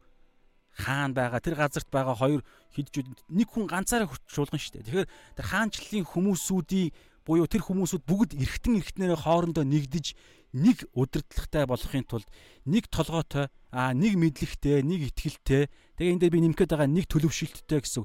Тэгээд хэлэх гээд байгаа энэ дээр хараа Христийн дүүрэн дүүрэн байдлын хэмжээнд хүртлээ буюу дүүрэн байдлын хэмжээг автлаа гэж бас орчуулж болж байгаа юм.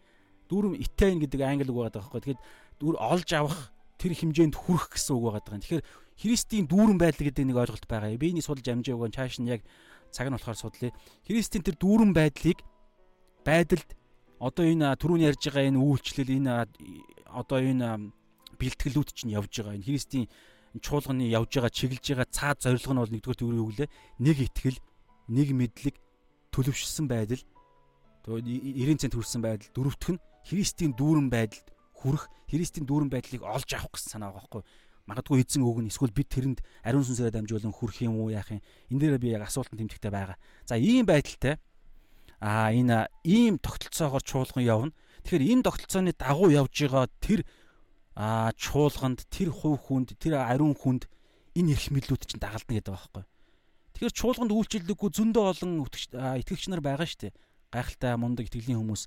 Тэдгэр хүмүүс тэгвэл үйлчлэгч нар биш үү гэхээр энэ дэр ч яриад байгаа нь тэр үгүй ээ жинхэнэ үйлчлэгч нар жинхэнэ үйлчлэх дуудлагатай хүмүүс чинь тэд нар бүр илүү хамгийн чухал нь хамгийн тэр тулааны нүүрэн талын игнэнд явах хүмүүс чинь тэд нар байгаа даа байхгүй чуулга чуулганд байгаа үйлчлэгч нар гэхээс илүүгээр чуулганд байгаа үйлчлэгч нар чинь жинхэнэ тэр нүүрэн талын игнэн дээр байгаа хамгийн түрүүнд тулаанд орох тэдгэр хүмүүсүүдийн хүмүүсүүдийг бэлтгэх хүмүүсүүд байгаа байхгүй юу?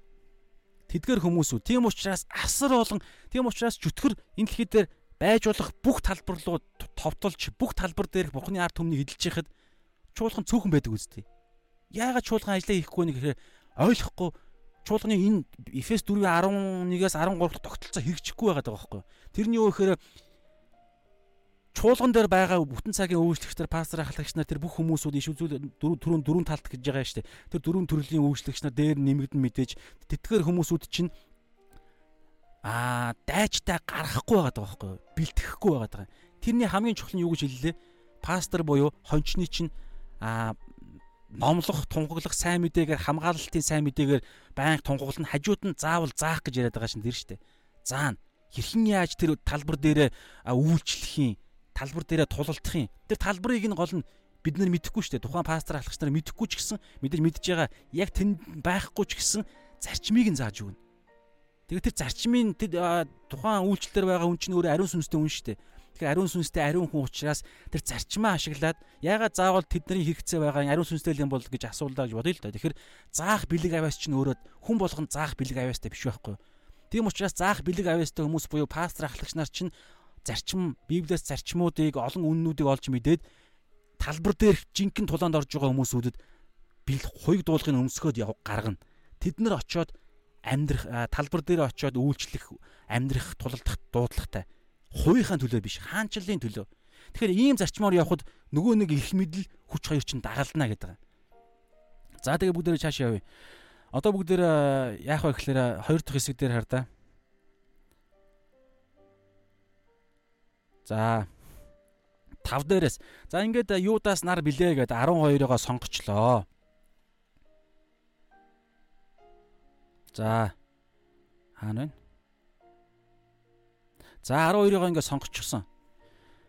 Аа тэгээд одоо бүгдээрээ нэг юм нэг таван хэсэг байгаа юм. Энэ таван хэсэг дээр хэрхэн яаж одоо яг энэ эхний байдлаар яг одоо энэ 12 элч маань яг түрүүний ярьсан Петрээс эхлээд Петрээр эхлээд Юдасаар дуусж байгаа энэ 12 элч маань хэрхэн яаж одоо яг энэ түүхэн одоо энэ үйл явдал дээр а илгээгдэж тэр газрууд дээр очиж яаж үйлчлэх талаар тэрийг нь зааж өгсөн байгаа. Яг аргачлалыг нь зааж өгсөн. Бүгдээр харъя. Нэгдүгээрт 5 дугаар ишил 5 5-аас 6 дугаар ишил дээр нэг чухал зүйлийг ярьсан. Тэр нь юу гэхээр зөвхөн Израиль нутгаар л яв гэсэн. Зөвхөн Израиль юдэчүүд сайн одоо энэ тунхаглалыг хэл. Зөвхөн юдэн газар нутгаар л яв. Самараар битгий яв, харь үндэстнүүдээр битгий яв гэж хэлсэн. За энийг бүгдээрээ маш сайн ойлгоно. Энийг ойлго ойлгох хэрэгтэй. Нэгдүгээрт энэ а одоо бид нарт бол хамааралгүй. Нэгдүгээрт, хоёрдугаарт энийг бид нар гэхдээ бид нар энийг ойлгох хэрэгтэй. Хамааралтай яг ойлгох хэрэгтэй. Оюун бодолтой. Тэр нь юу вэ гэхээр бид авралын том төлөвлөгөөг ойлгох хэрэгтэй гэсэн. Авралын төлөвлөгөөг ойлгох хэрэгтэй. Авралын төлөвлөгөө буюу одоо тэр аврал хэрхэн аврал одоо дарах хийг аврал нь бий болоод тэндээсээ дарахж байгаа гэхээр төвөөс гадагшлах гэдэг үг байдаг байхгүй яг илгээлтийн одоо чуулганы илгээл мэлгээлт хичээл дэр үздэг төвөөс гадагшилдаг. Тэгэхээр энэ зайшгүй байсан. Юу яагаад вэ гэхээр хуучин гэрээнд хуучин гэрээ чинь өөрөө юдэчүүдэд Израиль үндэстэнд Израилийн ард түмэнтэй байгуулсан гэрээ. Авраам гэдэг хүнээс эхлээд яг эхлэн тэгж эхэлсэн. Тэгээд энэ үндэстэнд амлагдсан месиа, энэ үндэст нь аврагдана гэсэн месиа, энэ үндэстнээр эхэлж бусад үндэстийн өрөөгдөн гэсэн. Яг Авраамийн өрөөлтэй адилхан. Чамаар дамжуулан олон үндэстэн өрөөгдөн, тэ чамаар дамжуулан тэ өрөөл өрөөгдөн газар нутаг бий болон тэ ард олон үр удамтай болон тэ үндэстнүүд өрөөгдөн гэдэг энэ гурван өрөөл чинь Авраам гэдэг тэр нэг хүн багхгүй юу. Тэгэхээр нэг хүнээс тэр Авраамаас эхлээд Израиль үндэстэн бий болсон. Израилийн үг дээц гэж байгаа. Тэгэхээр бурхан энэ төлөвлөгөөгөө зайлшгүй эхэлж нэн тэргуунд эхэлж энийгээ заавал биелүүлэх ёстой байгаа байхгүй. Иш үзүүлэлгүүд ер нь та бодоорой аа шин гэрээний одоо Библийн 66 ном бүгд аа юдэ хүмүүсүүд юдэн одоо одоо юу гэдгийг хөрсөн дээр бичигдсэн номууд шүү. Тийм учраас бид заашгүй тэр одоо нөхцөл байдлыг ойлгох хэрэгтэй. Тэгэхээр а бурхан хуучин гэрээнд хуучин гэрээнд тэр амлсан амлалт хуучин гэрээнд ихлүүлсэн зүйл зүүрлсэн ихлүүлсэн амлсан тэр зүйлээ заашгүй биелүүлэх гүйцэлдэх төгс болох хэрэгтэй байсан байсан нэгдүгээр. Хоёрдугаарт бурхны ард түмэн гэж байгаа шүү дээ. Бурхны ард түмэнд тэр өнгөрсөн олон хуучин гэрээнэ тэр хэдэн мянган жилийн турш тэр зовсон зүдэрсэн цөллөгдсөн тэр бүх зүйлсүүдэн дунд чинь шагнал гэж байх хэрэгтэй тэр бурхан шудраг учраас тэр энэ дэлхийн баг ард түмний төлөө дэлхийн бусад улс үндэстнүүд бүгд хүссэн юм а хийгээл завхаараа одоо тэр бузар шүтэн шүтэл ингээд хүссэн амьдралаар амьдарч яхад Израиль үндэстэн энэ ариун байдлын төлөө энэ дэлхий дэлхий дээрх энэ авралын төлөө Израиль үндэстэн чинь хамаг өөрсдийнх нь тэр эрхээ хязгаарлаж гэдэг юм уу те одоо жоохон өөр юм сөөлж ойлгох байлаар ярих юм бол те а зовлон эдэлсэн байхгүй мэдээж дунд нь одоо юу гэдэг өөрсдийнх нь дур зоргоор амьдрснаасаа шийтгэл үүрж байгаа. Гэтэл бусад дэлхийн ард түмэн бүр бүр тэр чигээрээ дур зоргоор амьдарч байгаа ш. Тэгэл бүр ингээд хүссэн амьдралаар амьдарч байгаа. Тэд нар Израиль ард түмэн бол хүссэн амьдралаараа ихээс илүүгээр хуулийг биелүүлэхийн тулд хамаг зовлогоо барж байгаа те. Тэгэхээр тэнд ямар ч чинь шагнал гэж зөвхт хүмүүсүүд бас байгаа. Аа Адамаас эхлээл Лук номыг анзах юм бол 3 дугаар бүлэг дээр Адамын үр удмыг ингэж яг үр удмыг битсээр байгаад битсээр байгаад Есүс гэж ирж байгаа. Тэгэхээр Адамын Есүс Христийн угийн бичиг дунд чинь бүр Адамаас эхлээд Авраам, Ноа, Авраам, тэгээд Давид, тэгээд Есүс хүртэл тэр авралыг бий болгохын тулд олон хүмүүс зөвхт амьдралаар амьдарч байгаа. Золиостой амьдрал гэсэн. Тэгэхээр тэнд шагнал яригдана. Тэгэхээр тэр шагнал нь юу вэ гэхээр нин тэргуунд хамгийн эхлээд гэсэн үг байхгүй хамгийн эхлээд Израилийн газар нутгаар энэ тунхаглыг хийх ёстой. Тийм ч учраас Есүс Христ өөрийнх нь тэ үйлчлэлийн 3 жилийн турш явах төлөвлөгөө байсан. Тийм учраас Есүс Христ зарим газар шууд орхиод орхиод ингэ явж исэн. Асар том чухал төлөвлөгөө, авралын төлөвлөгөөнөнд явж исэн. Тэгээд Есүс Христ чи өөрөө ч гэсэн Израиль хүн болж ирсэн баггүй. Тэгэхээр хүн хамгийн эхлээд гэр бүлийнхний хайртай дотныхоо хүмүүсүүдийг л аврах гэж оролдоно юм аим шигтэй одоо юу гэдэг а одоо За муухай үг би нэг жишээ хэлэх гэжсэн болчлоо. Одоо зүгээр үг энэ дэлхий дээр нэг одоо Монголд ч гэдэг юм энэ дэлхий дээр нэг муухай аимшигтай юм боллоо, байгалийн аимшиг ч юм уу нэг юм боллоо гэхэд шууд хайртай хүн рүүгээ хамгийн их уцтдаг үстэй. Монголд ч гэдэг юм уу эсвэл ингээл нэг юм ямар нэг юм болоход л хайртай хүн рүүгээ уцтаал хүүе цаа чи ийм гарлаа гинэ болгоомжтой байгаараа тэгээрээ ингээрэ цонхоо хаагаараа янз бүрийн болж шүү наагур чи ингэж тэгж наагур чи хоригдол оргосон гин мэн ингээл ингээл хамгийн түрүүд хайртай хүмүүс шүдрүүгээ ханддаг. Эн чинь ерөөсөө бүтээлийн онцлог ингэх ёстой угаасаа. Тэгээ эн чинь сүлдээд бүр ингээд тархацсан учраас тэгээд шал өөр төвшөнд очиж байгаа учраас ингээд бүх хүмүүс өдөр явж байгаа. Гэхдээ төв цөм нь угаасаа ингээд хамгийн дотныхоо хүмүүс өдрөө. Тийм учраас Есүс Христ өөрөө юдэ хүн болж ирсэн учраас хамгийн эхлээд юдэ ард түмнийхээ төлөө Паул ч гэсэн яг ингэж исэн.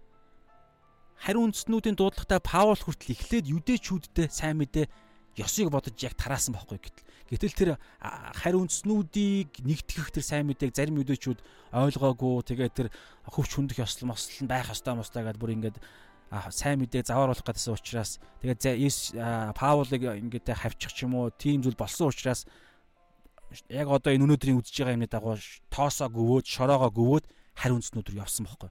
Тэгэхээр яг ингэж ийм дис дараал байгаа. Тэгээд ийм байна хар та. Матай 10-ын 5-аас 6 дээрх энэ ишлэл дээр Есүс Христ юу гэж хэлсэн бэ гэхлээр зөвхөн Израилаар яваа гэж хэлсэн. За тэгэнгүүтлээ үйлс 1-8 дээр юу гэж хэлсэн бэ гэхээр ариун сүнс харин ариун сүнс та нар дээр ирэхэд та нар хүчийг олж нөгөө хүч ирэх мэтэл чинь. Одоо энэ дээр бол бүх хүмүүс энэ итгэлээр дамжуулан ирж байгаа. Та нар хүчийг олж тэгээд Ерусалим Юдэгийн Израиль үндэстний хамгийн нийслэл хот нь Ерусалим Тэгээ Юдэ. Яг Иерусалим нийслэл хот байдаг аймаг чи Юдэ байхгүй юу? Тэгээ Самар Галил Юдэ аймгийн хойно хойно хил залгаа байдаг Самар аа цус холилдсон гэж үздэг. Бараг харь үндснүүдтэй цус холилдсон гэж үздэг. Тэгээд тэр байтугай дэлхийн хязгаар хүртэлхээр харь үндснүүд бүгд орж байгаа байхгүй юу? Нөгөө одоо энэ үед чинь те одоо нөгөө бөөгийн шашинтай одоо юу гэдгийг буддын шашинтай янз бүрийн шашинтай бүх хүмүүсүүд а хүмүүсүүдэд та нар гэрч болно гэж байгаа зү. Одоо төвөөс гадагшилж байгааз. Тэгээ Ром 1-ийн 16-аар бас адилхан. Юу гэж хэлж байгаа вэ гэхээр би Паул хэлж байна. Би сайн мэдээнээс ичихгүй. Энэ бол итгэгч болгоныг юуны төрөнд юдэ хамгийн эхлээд юдэ түнчлэн грек хүнийг авралт өрөх. Грек гэхээр шууд гадагшилчиж байгаа байхгүй харин үндэстэн. Тэгэхээр ийм байдалтай нэгдүгээрт аа зөвхөн Израилаар яваа гэж хэлсэн. Тэг өнөөдөр бас а энэ дээр нэг юм байгаа. Яагаад а Израилаар зөвхөн Израилаар яв гэж хэлснээр Есүс тайлбарлаагүй харагдаж байгаа. Тайлбарлаагүй. Зүгээр л Израилийн газар нутгаар яв Самараар Самар аймагт бити явж харь үндэстэн буюу тэр Галил нуурын цаатал Декапол гэдэг 10 хот байрладаг хот байгаа, Сирчүүд байгаа, урт талд нь те Египтчүүд байгаа ч гэдэг юм уу. Тэг харь үндэстнүүдэд бити яв. Зөвхөн Юдэн газар нутгаар л яв гэж байгаа. Тэг энийг яагаад гэдгийг тайлбарлаагүй. Гэхдээ одоо бол бид нар ойлголоо шүү дээ. Одоо энэ Үйлс ном дараа нь бичигдсэн, Ром ном бичигдсэн, Паул ийм ариун сүнс бууж ирсэн, ариун сүнс бууж ирсэн учраас бид ойлгох боломжтой болж байна те. Тийм учраас энэ дараа нь ойлгож байгаа. Тухайн үед ойлгоогүй. Тэгээ эндээс бид нар нэг юм ойлгох хэрэгтэй. Тэр нь юу гэхээр өнөөдөр дагалдагчийн амьдрал хүн болгон дагалдагч шүү. Есүс Христэд итгэдэг, итгээд үнэгүй авралыг авсан хүн болгон дагалдагчаар дуудагдсан. Дагалдагч байх л зорилготой. Тэгэхээр тийм учраас агуу захирамж хүн болгонд хамааралтай гэсэн үг. Тэгж бодохоор хүн чуулган төвтэй гэж ойлгох гээд байдаг. Үгүй ээ. Чуулган төвтэй байж болохгүй. Тэгвэл ялзрал үүснэ. Тэгвэл ерөөс ямар ч хэрэгцээ байхгүй. Аврагдсан хүмүүсийг дахиж яах гээд яах гээд аврах гээд байгаа. Аврагдаагүй хүмүүс үү. Тийм учраас та таны үйлчилж байгаа, сурж байгаа, ажиллаж байгаа, эргэн тойронтой илгээгдэж байгаа одоо юу гэдгийг дуу хуур одоо улс төрмөр одоо юу гэдгийг хийж байгаа ажлын эргэн тойронд чинь итгэх хүмүүс асар ихээр байгаа зү. Тийм учраас л бид тийшээ дуудагдсан гэсэн санаа. Аа тэгээ чуулган дараасаа тэр бэлтгэгдээд хоёуг дуулгаа өмсөө тийш явна гэсэн үг. Тэгвэл дөрвөн тал үйлчил чинь хамаг юм чинь зааж өгөх дууж ёстой. Тийм ч учраас түрүүн яриад байгаа тэр. За тэгээд ийшээ те ингэж амьдрахдаа энэ дагалдагчийн амьдралаар ингээд хүн болгоны хэлбэр нондоо дагалдагчийн амьдралаар амьдрахад бидний ойлгохгүй юм гарч ирнэ гэсэн үг. Нөхцөл байдал, Библи, ариун сүнс нэг зүйлийг хэлэхэд таны хувийн аим ертөнцийг үзэх үзэл ёс суртахуун те хувийн ёс зүйд чинь нийц.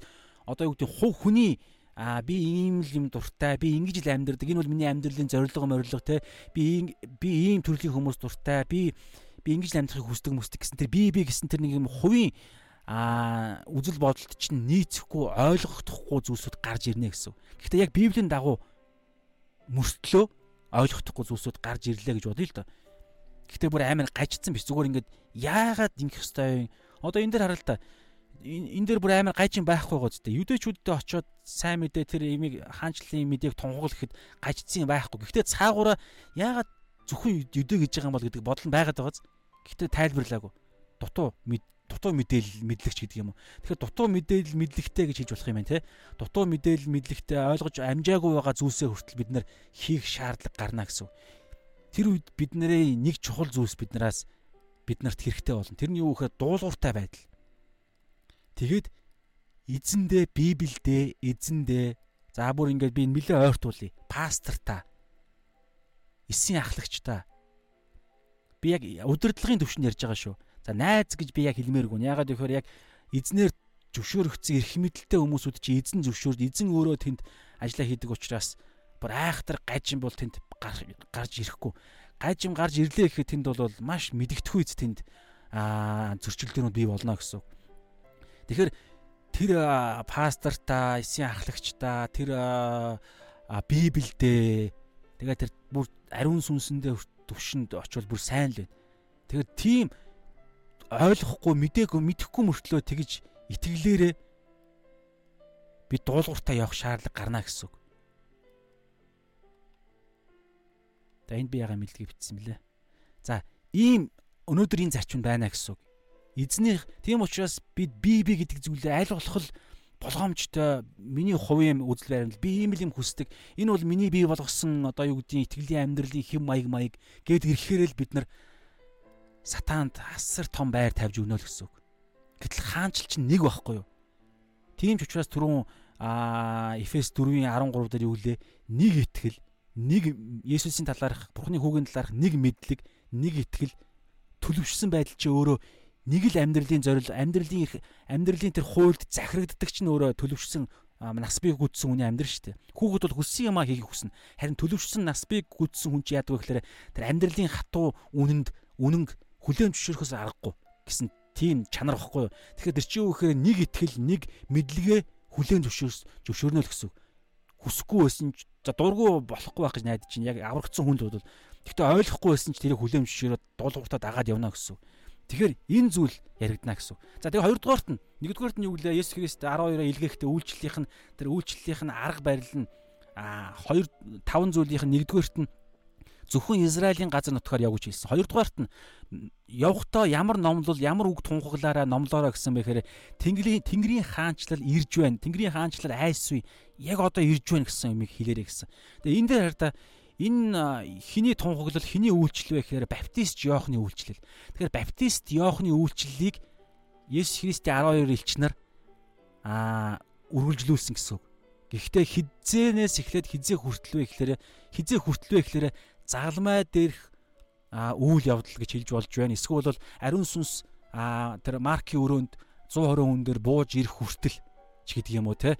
Яагаад вэ гэхээр сайн мэдээ бүрэн хэлбэржээг байсан байхгүй юу? загалмай авралын процесс явагдаг байсан. Тийм учраас аврал одоо энэ тэдний номлол ингэж штэ Тэнгэрийн хаанчл айс уу ирж байна. Яг одоо өмнө чинь байна.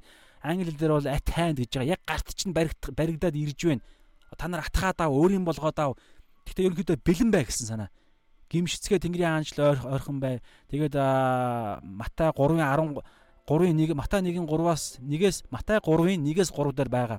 Тэр иш үзүүлэлэг нь байгаа. Баптист Иохны талаарх тий. Хаанчлын хааны месиягийн замыг бэлтгэх үйлчлэл واخгүй юм чинь. Тэгэхээр яг энэ 12 элч нараар Есүс Христ замаа бэлтгэх үйлчлэлийг хийсэн гэсэн. Тэгээд 70 хүнийг ч гэсэн Есүс Христ дараагаар нь илгээхдээ өөрийнхөө очих гэж байгаа хот руу төрүүлээд илгээсэн байгаа. Ирэх мэдлээ өгөө 70 хүний хой хоёроор нь. Тэгэхээр эн чинь бас замаа бэлтгэж байгаа. Тэгэхээр хуучин гэрээнд амлсан те тэр нэгүүлсэл нэгүслийн тэр хаанчлал, нэгүслийн тэр сайн мэдээ яг одоо биелэх гэж байна гэдгийг тунхлах байхгүй. Хаанч Тэнгэрийн хаанчлал ирж ирэх гэж байна, ирж байна гэсэн санаа. А нэгүслийн хаанчлал, Есүс Христийн хаанчлал, тэр сайн мэдээний хаанчлал гэдэг юм уу те тэр зүйл яг одоо ирж байна гэсэн тийм тунхаглалыг хийж байгаа. За 3 дугаарт нь юу гэхээр гайхамшиг үйлдэх эрх мэдлийг өгсөн. За энэ дээр бид нар нэг зүйлийг ойлгох хэрэгтэй Аа гайхамшиг нь яг тухайн үед гайхамшиг нь юу байсан бэ гэхээр өвчтнүүдийг өвчтнийг эдгэж исэн. Эдгэх эрх мэдлийг өгсөн. Сүнслэг түрүү ярьсан шүү дээ. Сүнслэг ертөнц, физикал, махбодийн ертөнцөөс дээгүүр эрх мэдлийг өгсөн. Тэр эрх мэдэл нь юу вэ гэхээр гайхамшиг гэсэн үг шүү дээ. Аа яг стандарт байдлаас даваа давсан юм альва үйлдэл чи гайхамшиг болчдөг байхгүй юу?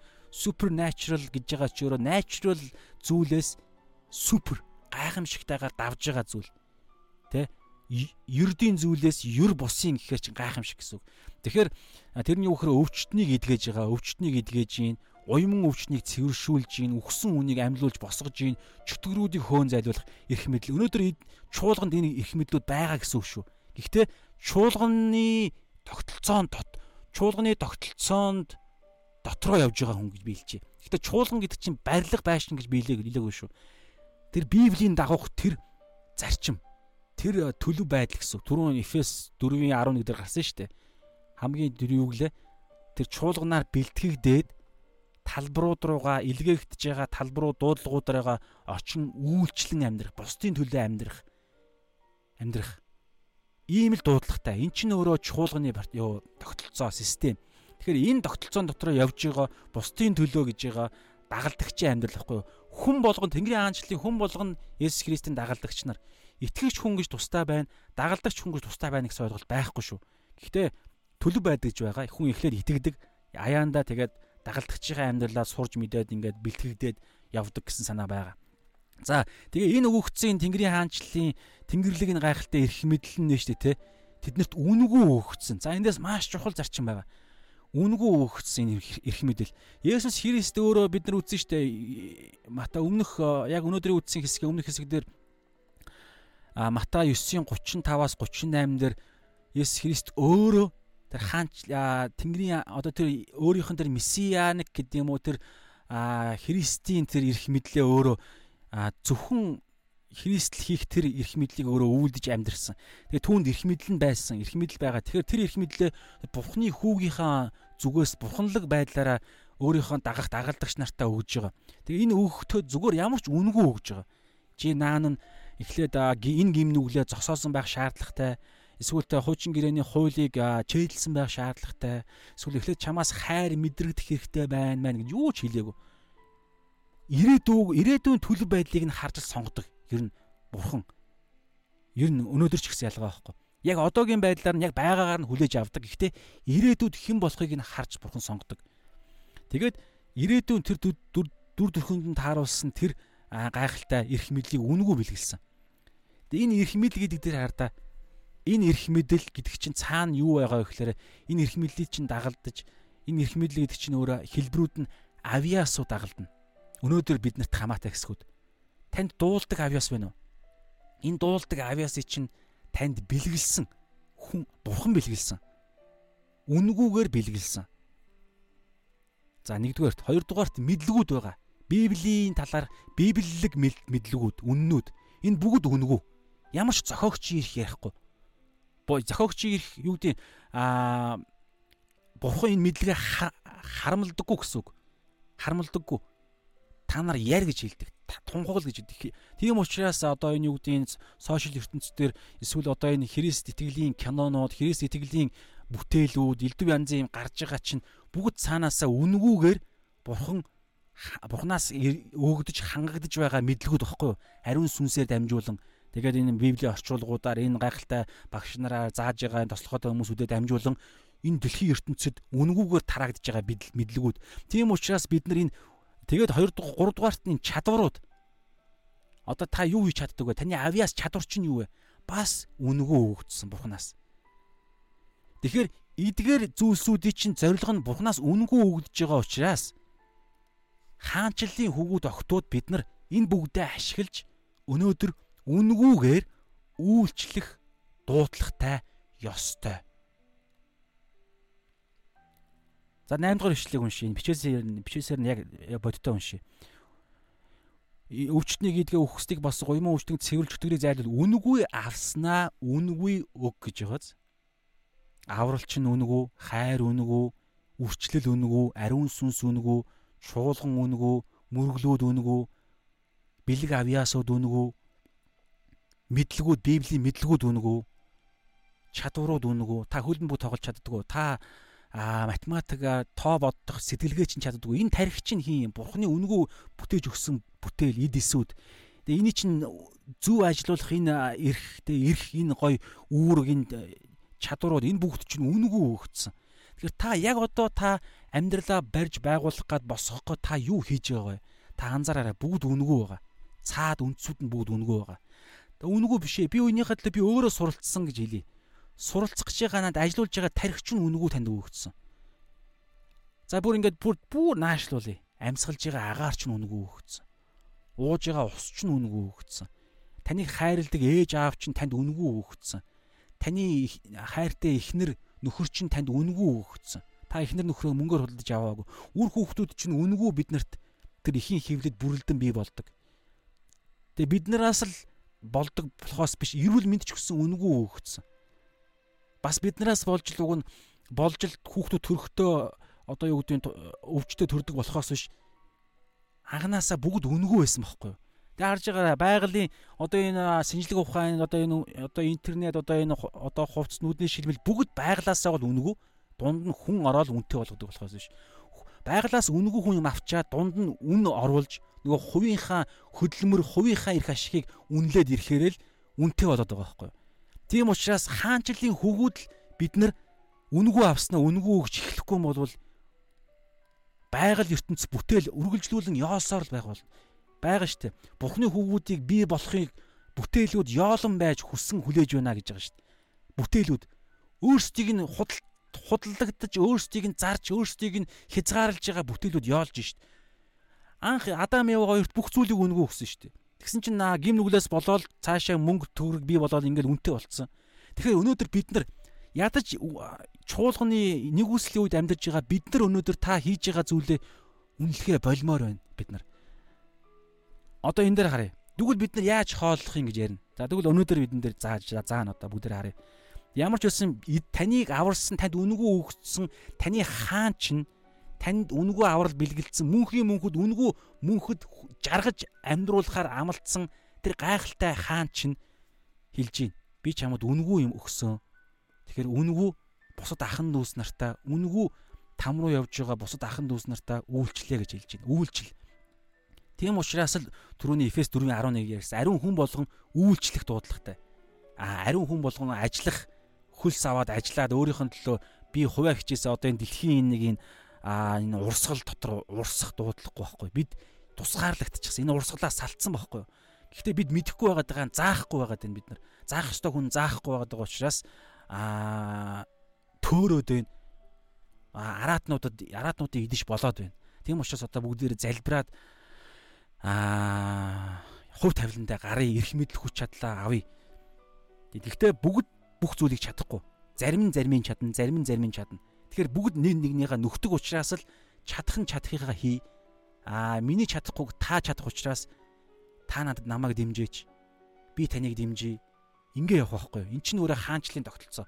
Зөвхт хүн гэд одоо бүгдээр шааш нь харъя. За ингээ цааш явъя. Тэгэнгүүтлээ эн чинь хэдвүлээ 3 дахь нь ингээд гайхамшиг үлдэх эрх мэдлийг өгсөн, үнгүү өгсөн. Тийм учраас та нар үнгүү 8 дээр үнгүү авснаа үнгүү өг гэж хэлсэн. За 9 дээр 9-оос 10 дээр хардаа дөрөв дэх аргачлалыг заасан. Тэр нь юу гэхээр авч зарим зүйлсийг авч явж болохгүй зүйлсийг ярьсан. За энэ яг энэ түүхэн нөхцөл байдал дээр бол юу байгаа шүү. Түүхэн нөхцөл байдал дээр болохоор 12 элч нар. Гэхдээ энэ 12 элч элч чинь өөрөө чуулганыг байгуулсан байхгүй юу? Тэгэхээр чуулганд энэ зүйлс энэ зарчимд чуулганд байгаа гэсэн үг. Бүх талбар руу илгээгдэж гэж байгаа нөгөө бүх ариун хүмүүс чинь бүх талбар дээр очихдоо энэ энэний цаана байгаа зарчмыг нь тээгээд явна гэсэн. Тэр зарчмаас чинь хүч чадал гарна гэсэн. Зарчмаас чинь өөрөө бурхны хангамж гарна гэсэн үг. Бүгд одоо харъя. За юу юу авч явж болохгүй гэж энэ 12 элч нартаа Есүс өөрөө тухайн үед яг ингээм амьдарч байхдаа биеэрээ хэлсэн бэ гэхлээр 9-оос эхэлж байгаа.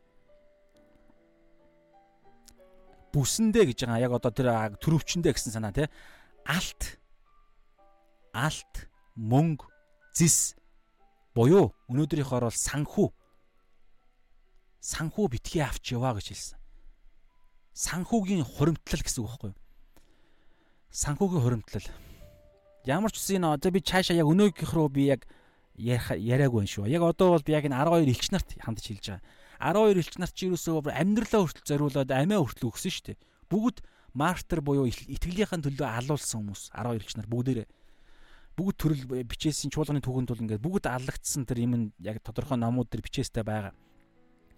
За хамгийн анхных нь Стефанаар эхлээл ерөнхийдөө тэр диакон Стефанаар эхлээл аллага эхэлж байгаа тий. За Одоо энэ дээр хар та Стефанаар явах шүү. За аа тэгээд яг тэр чуулганы одоо бидний энэ итгэлийг бий болгох гэж байгаа Библийн шинэ гэрээ бичигдээгүй байсан үе шүү дээ. Тэгэхээр ийм үе тэр чуулганы тэр авралыг бий болгох гэж байгаа нь юдэ хүмүүсүүд гэсэн үг шүү дээ. Юдэ хүмүүсүүд чинь юдэ үндэсний энэ 12 элч нар одоо бидний итгэлийн элч нар маань яг энэ хамгийн анхны илгээлтэй хийхдээ ямар ч мөнгө төгрөг. Тэг энэ цаана зарчим байгаа би бас ярина. За мөнгө төгрөг ямар ч мөнгө төгрөг эд хөрөнгө өнөөгийнхөр бол эд хөрөнгө бити авч яваа гэж хэлсэн. Тэгэхээр яаж хооллох юм? Яаж одоо тэр ин гэж байгаа тэр одоо дин буудалтаа орох юм? Дин буудал чинь хөс нэхэн штэ. Тэгэхээр яаж хоноглох юм гэдэг дээр асуулт байгааз. За энэ асуултыг бодчоорой. За ямар ч мөнгө бити авч яваа гэж хэлсэн. Хоёрдугаарт ямар ч ачаа бити авч яваа гэж хэлсэн. Богц. Богц цүнх бити авч яваа гэж хэлсэн. Сонирхолтой байгааз. Ямар ч цүнх бити авч яваа гэж хэлсэн. Тэнгүүтээ ямар ч илүү хувцас бити, илүү хувцас дээл гутал бити авч яв гэж хэлсэн. Гэхдээ өмсөж байгаа дээлээ, өмсөж байгаа гутлаа өмснө. Гэхдээ нэмэлтээр бити авч яв гэж хэлсэн. Таяг бити авч авч яв гэж хэлсэн. Яагаад нэмэлт гутал бити авч яв гэж хэлж байгаа? Яг байгаагаараа энэ хардаа зарчим нь бол ерөнхийдөө энэ. Яг байгаагаараа байгаа зүйл чинь танд хангалттай гэсэн санаа. Яг байгаагаараа нэгдүгээрт, хоёрдугаарт энэ ардаа илүү хувцас илүү гутал аваад байгаа чинь санаа тавиад байгааз ирээдүйд болох энэ өмсөж байгаа гутал маань норох юм уу? Эсвэл цоорох юм бол би ирээдүйд маргааш би юу өмсөх юм бэ гэдэг санаа зовлтохгүй юу? Эн чинь нөгөө Израильд цөлд 40 жил энийг л сурах гэж оролцсон Есүс. А бурхан эзэн өөрөө. Есүс ч гэсэн байсан те маннагийн зарчим байгаа өдөр өдөртөө хүнсээр хангагдж байсан маргааш яах вэ гэдэг санаа зовлт бодох үед л маргаашийн төлөө маргааш чинь би чамд маана илгэнэ гэж хэлсэн. Тэгээд маргааш бурхан илгээхгүй байхаа гэж итгэлгүй андсан хүн хоёр өдрийнхийг маана авах үед тэр нь өмхирж исэн. ийм ийм арга замаар аа маргааш яг маргааш өдөр өдрийн итгэл гэсэн зарчим байхгүй юу? Яг тохиолдол тохиолдол болгон дээр бурхан руу хандна гэсэн зарчим. Анхаарлаа фокуса би гутал маань цоорлоо нэмэлт гутал руугаа богцсон доторх нэмэлт гутал руугаа харах биш бурхан руу хандна гэсэн зарчим. Энэ зарчим чинь үйлчлэл та ямар ч талбар дээр байна яг энэ зарчим хэрэгжинэ гэсэн. Та улс төрч байна уу? Та дурлагын дуучин байна уу? Та тохиолдол болгон дээр өдөр болгон дээр таны өмнө танд яг үйлчлэлийн чинь төлөө үйлчлэх зорилгоор явж их үед гарч байгаа хэрэгцээ болгоныг чинь та тохиолдол болгон дээр бурхан руу хандна гэсэн үг. За гэхдээ энд нэг асуулт байгаа. Тэгвэл бурхан хангахдаа яаж хангадаг юм? Тэнгэрээс одоо яг Израилийн үед ингээд те маанна шиг юм ингээд буулгах юм өнөөдөр ч гэсэн. Тэгээ яг тохиолдол болгон дээр тэр одоо энэ дээр байгаа тэр илүү дээлийг нь тэнгэрээс ингээд гинт байхгүй юмнаас гэрэл би бол гэдэг шиг л дээл би бол гутал би бол гээл хүн болгонд ингээд гутал өгөх юм уу? Ингиж хүн төрлөختний хүн төрлөختн рүү бурхан оролцох оролцох зарчмаар ажилт юм бурхан. Энэ дээр бол үгүй. Онцгой тохиолдол байж болно. Гэхдээ үгүй. Хүн хүнийг л ашигладаг. Эхлэл 1:28 дээр бурхан хэлсэн. Та нар энэ дэлхийн ертөнцийг эзэмшин захир энэ дэлхийн ертөнцийг та нар өөрөө авчаа, өөрөө ажилуул, өөрөө энэ дэлхий дээр тэ намайг төлөөлж энэ дэлхийг дээр өдөрт гисэн. Гэхдээ ингэж хэлэхдээ дотор нь өөрийнхөө ариун сүнсийг өгсөн байсан. Бас ямар ч гимгүү байсан шүү. Гэхдээ яг энэ зарчмаараа тэгээд гим нүгэл үйлдснийхаа дараагаар нь ингээд тэр зарчим нь хിവрэ байгаад болохоор энэ гим энэ дэлхийн ертөнцийг гим нүглийн аргачлалаар захираад дээ хүн. Тэгэхээр бурхан оролцохоор боломжгүй учраас тэр зарчим нь өөр зарчмаар ажиллахаар ийм тогтолцоотой дэлхийг бүтээсэн учраас бурхан хүн болж ирсэн гэдэг ярьдаг шүү дээ тий. За тэгэхээр хэлэх гээд байгаа санаа бол аа гол зарчим нь юу гэхээр байгаа яг байгаа зүйлээр л шууд үйлчлэх гэсэн санаа байхгүй юу? Байгаа зүйлээр л шууд талбар дээрээ аа илгээх гэсэн санаа.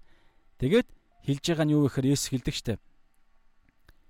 Аа Есүсийн нэрээр Есүсийн илгээлтээр Есүсийн илгээсэн илгээл гэхгүй. Есүсийн аа үгийг тунхаглалыг бариад тэр сайн мэдээ өнөөдөр бол бид нарт бариад бид нар илч буюу тэр мэдээг бид нарт дамжуулна. Тэгэхээр бид нар Есүсийн адилчд байхгүй юу? Яг өнөөдөр яг энэ хиллэгэр бол 10 дээр учир нь адилчин хоол хүнсээр хангагдах нь зохистой гэж хэлж ийн эзэн. Ажил олгогч нь бол Есүс Христ өөрөө, Бурхан Аав өөрөө. Тэгэхээр эзэн өөрөө биднийг хангана, ханганаа. Хангах зохистой, хангах, хангах шаардлагатай, хангах баг ёстой гэж би жоохон хэлчихье. Хэтрүүлээд хэлчихье. Бурхан өөрөө би ханганаа гэж хэлсэн. Есүс Христийн Тийм учраас бид илүү юм авах шаардлагагүй. Мөнгө төгрөг авах шаардлагагүй. Тэгэхээр энэ бүгдийг хэрв аваад ирэхээр яадаг вэ гэхээр хүн бурхны одоо энэ дээр хардаа энэ ямар амьдрал вэ гэхээр итгэлээр хангагдаж амьдрах гэж бичих гэснээ үйлчлэх гэж бичсэн. Яагаад гэхээр бид үйлчлэхээр л амьдарч байгаа. Зүгээр энэ дэлхий дээр нэг амьдрал амьдрахын тулд амьдраагүй. Адгуус амьд чиг зүгээр л амьдарж байгаа л үхдэг тийм амьдрал биш. Бид зоригтой амьдарж байгаа. Хаанчлын хүмүүс юу гэхээр үйлчлэх зоригтой. За тэгвэл нэг юм доош ороод байгаа юм шиг үгүй ээ. Ямар үйлчлэл вэ гэхээр сатаныг ялах үйлчлэл байхгүй юу? Сатанаас сатаны боолчлолоос үхгсдийн шоронгоос ахан дүүсээ тулалдан авах үйлчлэл. Юу гэж хэлмээр байна? Эн чинь бүр тэнгэрлэг үйлчлэл. За дэлхийн тэр нэг юм одоо юу гэдэг юм аа одоо юу те ингээд элдв янзын баячуудад үйлчлдэг боол мол үйлчлэл те шалмал угаадаг тийм үйлчлэлийн тийм нэг юм бодол санаа төрөөдөө бол үгүй. Бурханд тэнгэрлэг бурханд үйлчлдэг үйлчлэл. Тэгээд дэлхийн үнд хүний зүгээс харах юм бол агуу одоо харалта сүнслэг ертөнц махбодын ертөнцөөс дээгүр хэрэг мэдлэлтэй? Энэ дээр харалта уйман өвчнийг идгээж штэ шинжлэх ухаан ангаах шинжлэх ухаан яахаа мэдэхгүй байгаа тэр өвч тухайн үедээ. Одоо ч гэсэн заримдаа Гэхдээ яг тодорхой цаг үедээ бол энэ уйман өвчин идэгдэг гэсэн. Одоо энэ байдаг өвчин баггүй юу? Одоо харалт үхснийг амьлуулж байгаа ангаа ухаан байтугай энэ хүн төрөлхтөний хизээч энийг хийж чадахгүй шүү дээ. Тэгэхээр ийм харалт чөтгөрүүдийг хөөж байгаа. Хүн төрөлхтөний чөтгөр гэдэг ойлголтын дээр одоо яг тодорхой мэдж мэдээлэл байгаа юм уу? Киноны төвшөнд л ярьж байгаа. Гэтэл чөтгөр байгаа чөтгөр одоо хүртэл нууцласаар байна өөрсдийнхөө. Тэгтэл энэ чөтгөрийг бүр мэдэх байх бүр мэдээд нэрийг нь олж мэдээд хөөн зайлуулж байгаа эрх мэдлэг бодолтой. Тийм агуу эрх мэдлэг мэдлэгж энэ дэлхийн өнцгөөс харагдана. Аа тэнгэрлэг өнцгөөс бол бид нар бурханд үйлчилж байгаа. Тэгээд А бас тийм их мэдлэлтэй мөртлөө бид хамгийн ихэнд байгаа нь хамгийн сүүл гэдэг шиг бид хүмүүсүүд доошоо орж үйлчилж байгаа байхгүй. Ами одоо 12 элчнэр амиа өгсөн те. Одоо энэ дээр та. Ямар ч мөнгө төгрөг авч явахгүй. Ачааж авч явахгүй, илүү хувцас авч явахгүй. Таягч авч явахгүй гэж байгаа. Тэгээ инхээр чи хүмүүс юу юу гэж харагдах вэ гэхээр ээ ядарсан зайлуул гэж харагдана. Гэхдээ тэгж харах нь харна үз. Харах харах нь хүртэл зоригтой хар та.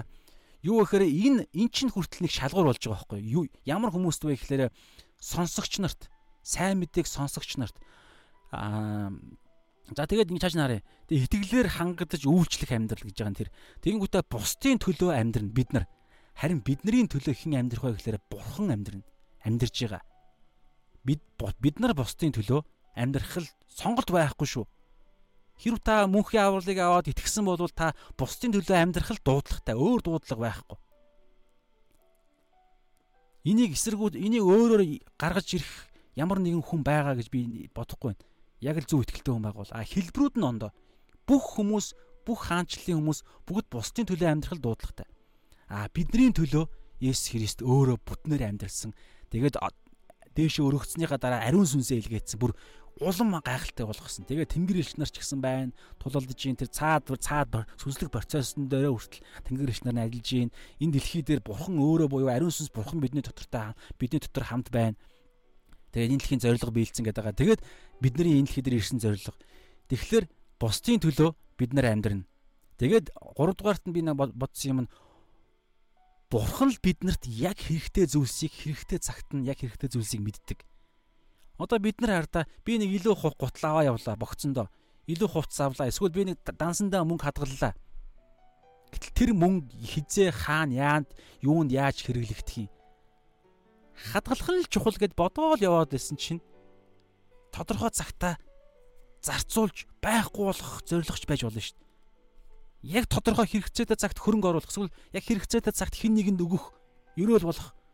За мөнгөн дээр, за богц ачаан дээр тэр ачаа чинь ингээд ачаа нэмэл ингээд би ингээд одоо юу гэдэг ачаа ирээдүйд тим юмд хэрэглэнэ бороо орох юм бол тэг ингээд тэгэнтэй ингээд бодоод ирэхээр яг хэрэгцээтэй цагт нь хэрэгцээтэй яг юу хэрэгцээтэй вэ гэдгийг бурхан маш сайн мэддэг. Тэгээ бид нар илүү хэрэггүй зүйлсэл авах магадaltaй. Бид нар ямар ч хэрэггүй зүйлс аваад авах магадaltaй. Магадгүй ингээл аяллахаа эхний 3 өдөрт нь ингээл та ачаага үүрээлтэй ингээл зовоол исэн чил дөрөв дэх өдөрт нь ачаагаа алдчихвал яах вэ? Эсвэл ачаа нь нороод ямар ч хэрэггүй болчихвол яах вэ? Гэтэл анханасаа уг нь бити авч явж хэлсэн байхгүй. Тэгвэл би 5 дахь өдөр надад ачаа хэрэгтэй шүү дээ. Аа гутал хуц хэрэгтэй шүү дээ. Тэгвэл яах юм? За одоо энэ дээр хариулт орно хариулт хэрэгтэй. Тэр нь юу гэхээр Бурхны хаанчлал зөвхт хүмүүсүүдээр л ажилдаг. Хүмүүсүүдээр. Тэгээ өнөөдөр яг энэ дээр юу гэж байгаа вэ гэхээр зөвхт хүн гэж байгаа хэллэг. Тэр нь ямар хүмүүсүүдийг зөвхт хүн гэх вэ гэхээр за бүгдээр харъя. За 10 11-ээс уншия. Ямар ч хот тосгонд очисон тентхийн зохистой хүнийг олж мэдээд явтлаа тэндэ бай гэж байгаа. За энэ дээр юу хэлж байгаа вэ гэхээр тэгээд айлд орохдоо мэндийг нь мэд айл чинь за одоо энэ дээр 11 дээр юу бүгдээр харъя. Тэд нар хотуудаар явахдаа өөрсдийнх нь зүгээс хийх зүйл нь юу вэ? Юу вэ? Нөгөө Тэнгэрийн хаанчлал айсвэ те а нэгүслийн хаанчлал удахгүй биелэх гэж байна. Нэгүсэл удахгүй биелээ болох гэж байна. Тэнгэрийн хаанчлал ирж байна. Хаан ирчлээ. Хаан удахгүй ялалтай байгуулах гэж байна. Одоо өнөөдөр бол бид нар нэгүслийн сайн мэдээг бүх бүрэн бүтэн болцсон. Тэрийг нь зөгцоор нь ярина гэсэн. Ингээ бид нар нэгдүгээрт ярина. Хоёрдугаарт үйлдэл хийн, үйлс хийн, тэмдгүүд байхгүй юм чинь. Есүс байнга ингэж явсан. Тэр нь юу гэхээр бид зүгээр номлоод байхгүй. Хажуугаар нь бид үйлс хийн. Тэр эрх мэдэл нь өгөгдсөн. Тэр нь юу гэхээр өвчнүүдийг эдгэн. Үхснүүдийг амьлуулна босгоно гэж штэ. За энэ дээр судлаа. Үхснүүдийг амьдлан амьлуулна. Өнөөдөр ч гэсэн үхсэн үнийг амьлуулах эрх мэдэл байгаа юм биш үү? Бүгдээрээ хай. За ямар ч үсэн хамгийн түрүүнд сүнслэг өгөхлүүд мэдээж ярина. Өгсөн хүмүүсүүдийг босгоно. Гэхдээ яг энэ бичээс яг энэ 12 дээр бол 12 дээр бол яг өгсөн байсан хүмүүсүүдийг амьлуулж амьлуулах эрх мэдэл واخгүй юу? За тэгэнгүүтлээ жүтгэрүүдийг хөөх эрх мэдлүүд биднэрт өнөөдөр байгаа. Гэхдээ эн чинь ямар хүм зарчмаар ямар байдлаар яана гэлээ биднэрт дамжигдана гэлээ. Яг чуулганы тэр тогтолцоон дотор тэр нь юу гэхээр бусдын төлөө гэсэн. Бусдад үйлчлэхээр л талбар болгон дээр илгээгдсэн тэр тэр нэг эрх мэдэл, нэг итгэл, нэг мэдлэг те төлөвшсөн байдал Христийн дүүрлийн төлөө явж байгаа тэдгэр хүмүүсүүдэд энэ өгөгдөн. Тэгэхээр бид нар номлолоо номлол буюу сайн мэдээгээ хүн болгон номлох дуудлагатай гэдэг байгаа шүү дээ. Би хэлсэн тэр өмнө бичээсээр баталсан шүү дээ.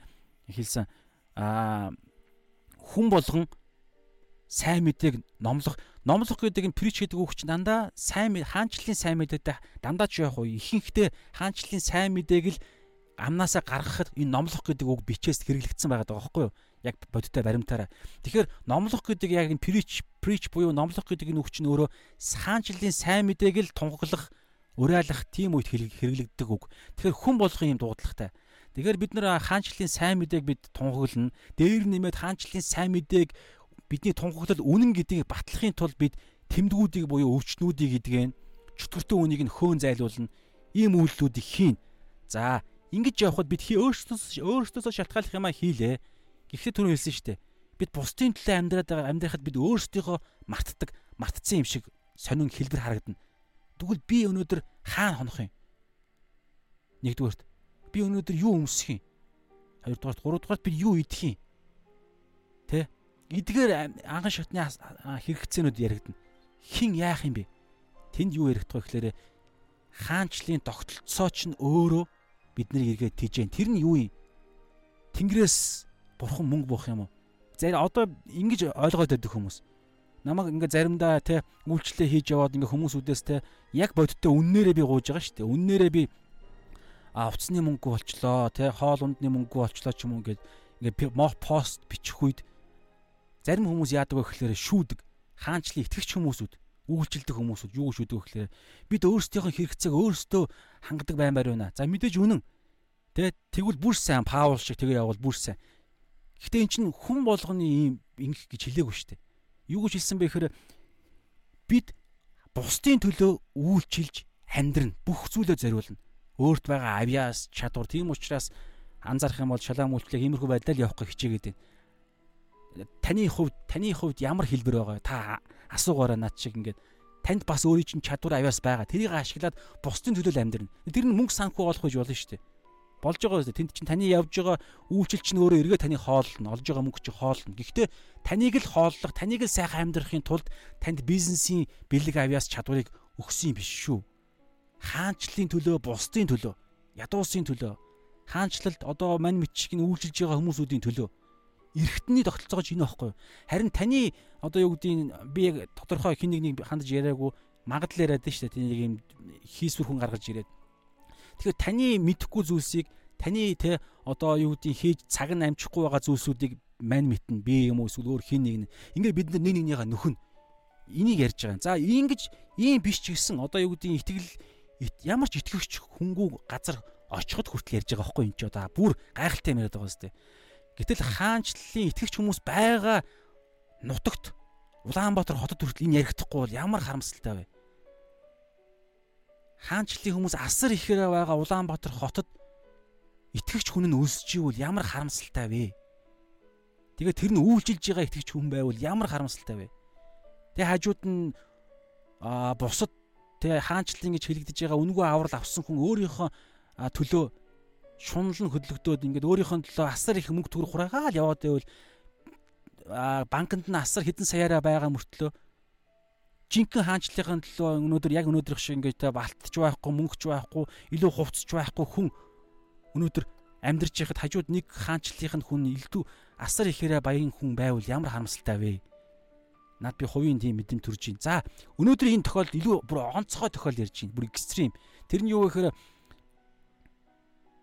шууд итгэгч хүн одоо энэ хаанчлалын сайн мэдээ сонсоогүй хотод хүртэл очиод хаанчлалын тогтолцоо ажиллана гэж байгаа байхгүй. Бурхан тэр газар очиод үйлчилж байгаа өөрийнхөө элч нараа хүртэл бурхан тижээн гэж байна. Яаж? Тэр нь зохистой зөвхт хүмүүсүүд тэнд байна гэсэн үг. За тэр нь тэгвэл ямар хүмүүсүүдийг зохистой зөвхт хүмүүсүүд хэлэх юм? Одоо юу гэдэг ингээл зөвхттэй бусдыг хайрладаг, майрладаг те ер нь зөв ёс суртахуунтай, мортхуунтай гэж хэлээгүү. Сайн мэдээнд нээлттэй хүмүүсүүдийг хэлж байгаа. Тэгэхээр бид сайн мэдээгээ ярьлаа. Сайн мэдээг сайн мэдээний тэр авралын хаанчлалын тэр сайн мэдээ тэр бэлгийг эхэлж бид санал болгоно гэсэн санаа байгааз биднээс эхэлж үйлчлэл нь гарна. Сайн мэдээ. Энэ дэр бол яг сайн мэдээ л ярьж байгаа. Хаанчлалын өнөөдөр бол яг энэ зарчим нь бол сайн мэдээ бид ярьж иж тэр сайн мэдээг сонсогч сонсогч нарын дундаас л бурхан өөрөө бид нарыг тэжээгч нарыг гаргана гэсэн үг юу? Би бүр яг механик гаднаадах хэлбэрийг нь гаргахад бол яг иймэрхүү.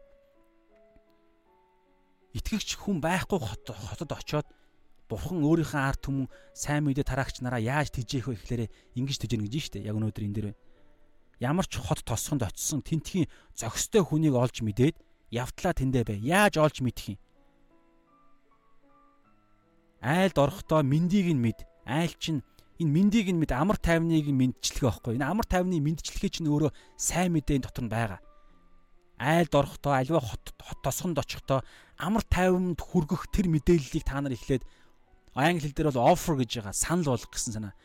Амар тайвны сайн мэдээг та нар санал болго. Айлд орохдоо хүнтэй уулзахдаа альва хот тосгонд очихдоо амар тайвны сайн мэдээг эхлээд санал болго.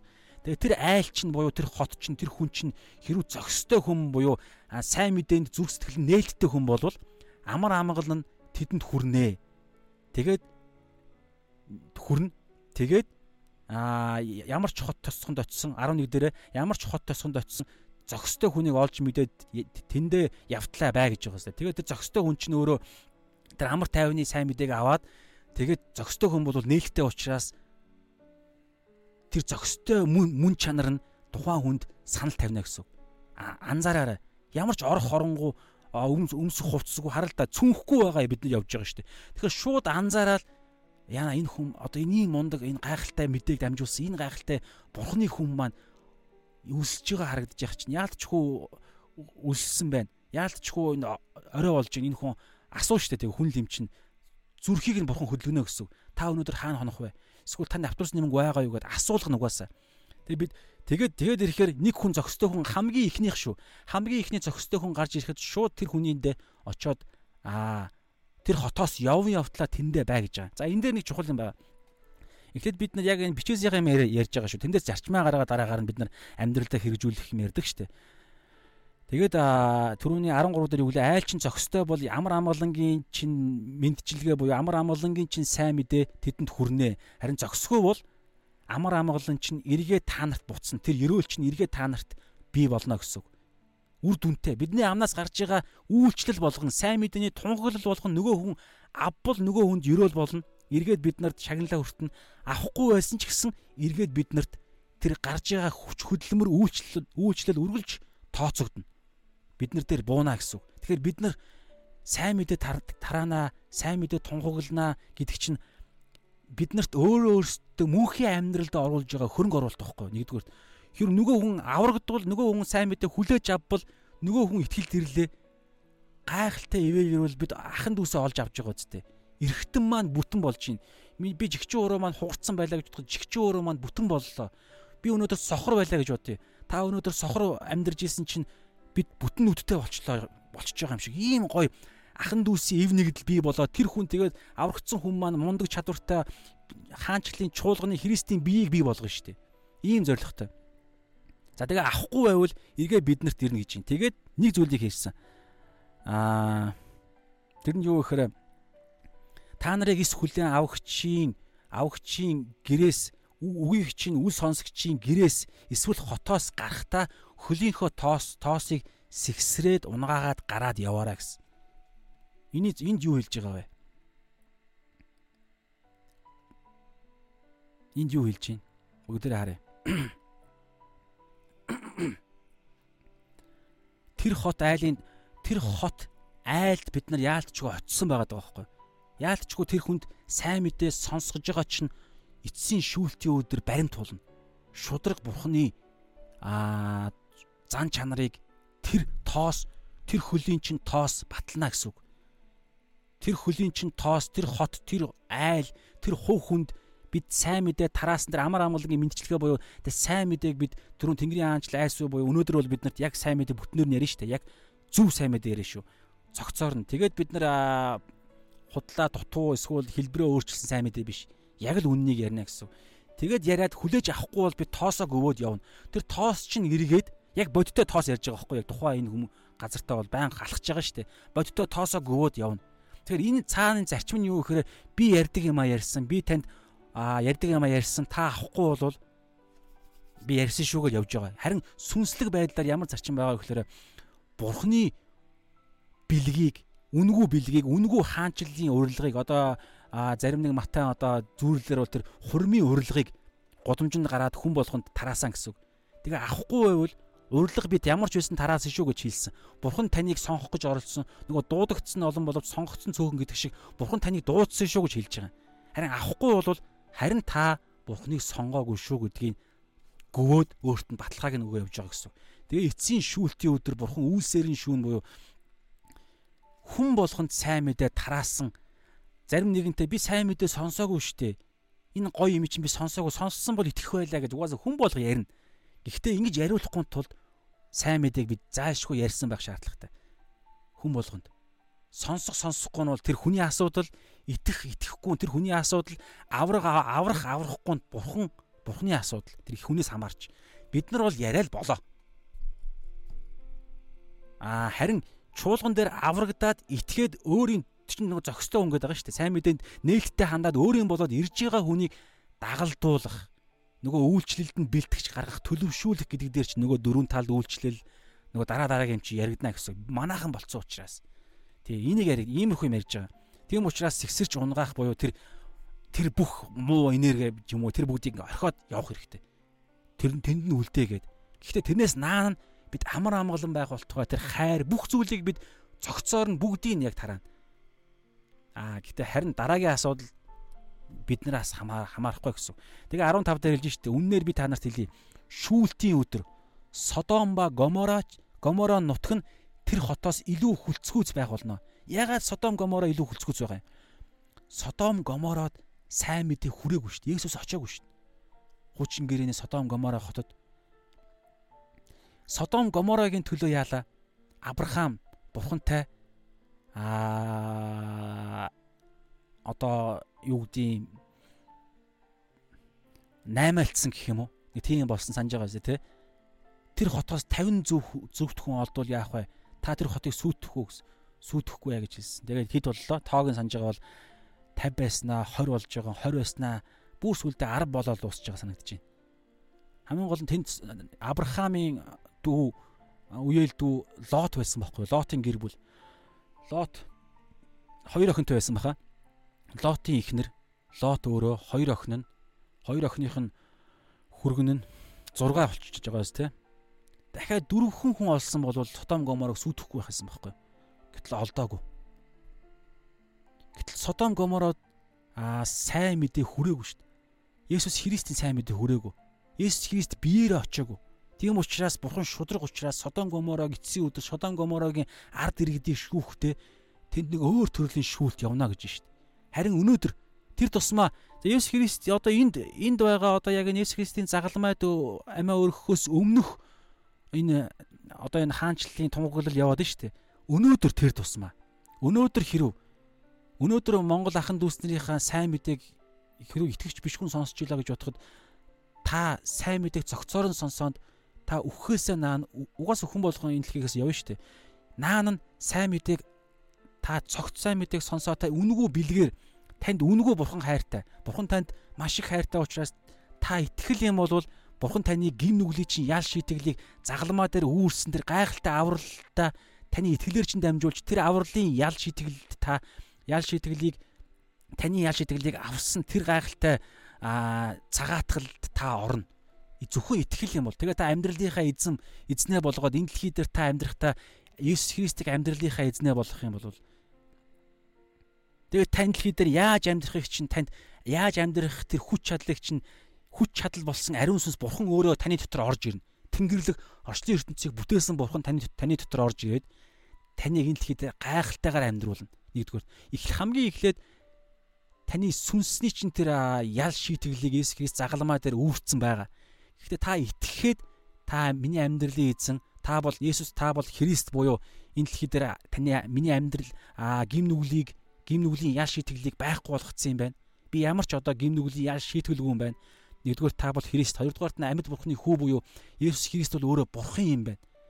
Намайг бүтээсэн бурхан юм байна. Миний амьдралын эзэн юм байна гэдгийг та хүлээн зөвшөөрөө зүрхэндээ итгээд тэгээ Тэнгэрийн хаанчлалын хохид хөвгүүд рүү би орё. Би энэ дэлхий дээр өөрийнхөө хуваа хичээсэн биш. Тэнгэрийн хаанчлалын том зорилгын төлөө амьдрья гэд хэлэх юм бол та аврагдана. Та өөр юм бол. Харин энэ зүйлийг та одоо би сая товчхон сайн мэдээ ярьлаа. Энийг та яг одоо сонсоод та хүлээж авахгүй болвол таны шийтгэл асар хүнд байх байхгүй. Асар хүнд танд ямар ч зөвтгөл байхгүй. Шүүлтийн өдөр угаасаа байгаа. Библиэлд байгаа. Та шүүлтийн өдөрт итгэхгүй байгаа байж болно таны сонголт. Гэхдээ та тэр шүүлтийн өдөр асар аимшигтэй сорилтонд шүүлтэнд орно. Тийм учраас одоо боломжтой байгаа дээрээ хайх цаг нь байгаа дээрээ боломжтой байгаа дээрээ та сайн мэдээг аваач. Бурхны хайрыг та бэлгийг зүгээр л аваач гэсэн юм ярьж байгаа. Тэгээ иймэрхүү сайн мэдээг сонсоход л хүн нээлттэй байвал тэр хүн ч өөрөө зохистой хүн гэдэг. Сайн мэдээнд зохистой хүн. Бурхныг хүлээж аваагүй, Месияг хүлээж аваагүй учраас шүүлтийн өдөр нөгөө нэг түрүүн хот хот хотын тоосыг, айлын тоосыг гутланд наалтсан байгаа хотын тоос, айлын тоосыг салгаад яваараа гэж хэлсэн шүү дээ элч нарт. Сайн мэдээ авахгүй бол энэ юу цаагаараа илэрхийлж байгаа гэхээр шүүлтийн өдөр Бурхны нэгүслээс тэр тэдгэр хүмүүсүүд салах байхгүй өөрсдөө тэр сонголтыг хийсэн. Сайн мэдээг аваагүйгээрээ, аваагүйгээгээ, аваагүйгээрээ ийм эрх мэдлийг чуулганд өгсөн байгаа байхгүй. Тийм учраас бид нар хин нэгний үхэл амьдралыг шийдэж байгаа хүмүүс. Тэгээ энэ дээр нэг юм байгаа. Би нэг зүйлийг мартцсан түн ярих галгаа. Аа явтлаа та нар тэр айлдаа байгаараа гэсэн шүү дээ. Энд маш чухал байгаа. Энд юу хэлж байгаа вэ гэхээр хин нэгэн хүн танд тэр айл те одоо тэр сайн мэдээ нээлттэй байгаа тэр хүн танд санал болгож байгаа таны хэрэгцээний төлөө санал болгож байгаа юу ч та аваарай гэсэн санаа. Тэр нь одоо юу гэдгийг тэр айл маш ядарсан айл а орцсон ам одоо юу гэдэг нөгөө нэг шатны доор байдаг нөө шатны доор нөгөө манаачин те юу байгаа штэ өрөө байгаа жижиггүй өрөө тэнд байдаг манаач хийдэг хүн байна уу эсвэл тэр отго тараншаанд байна уу тараншаанд энэ миний гэр юм а гэж таныг өрөөл яах вэ Тараншаанд нь та тэр хотоос яв явтлаа бай гэсэн бүр экстрим хэлбэр биш шүү дээ. Тэгээд орон байр нь ядуу байна уу, дээвэр нь гоождөг байна уу, хоолгүй айл байна уу? Ялгаа байхгүй. Та тэр хүний гэртээ урж байгаа тэр газарт нь та явн явтлаа тэндэ байгаарай гэсэн санаа. Баян айл байна уу? Би баян айл учраас би бас бас юу гэдгийг тэр ямар ч айл байсан хамаахгүй тэр газартаа байгаарай гэсэн. Тэгээ тэр айлаа голж болохгүй гэсэн санаа. Тэр чинь өөрөө эргээд юу вэ гэхээр ив нэгдлийн төлөө. Тэр айл айл та байснараа хэрүү ядарсан айл бол тэр айл бас өрөөгдөнө. Тэгээд та бас өөрөө даруй байх санаа, даруй байгаарай гэсэн санаа. Есүс Христ юу гэж хэллээ?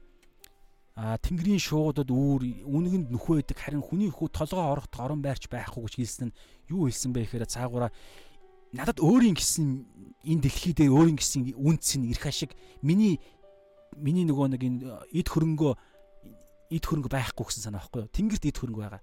Би хаанч хонж магадгүй өнөөдөр Есүс Христ тэгж хэлсэн санаа байхгүй юу? Петрийн тонсон, заримдаа цүл цүл тонсон, заримдаа шүнжэнгөө уулан дээр хонсон. Хаанчлалын том зорилгын төлөө би юу бол юу хий, яавал яа гэсэн санаа.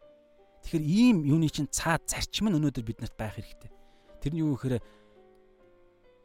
байгаагаараа яг л байгаа зүйлээрээ л хий дуудагдсан үйлчлэл хийгээл явах.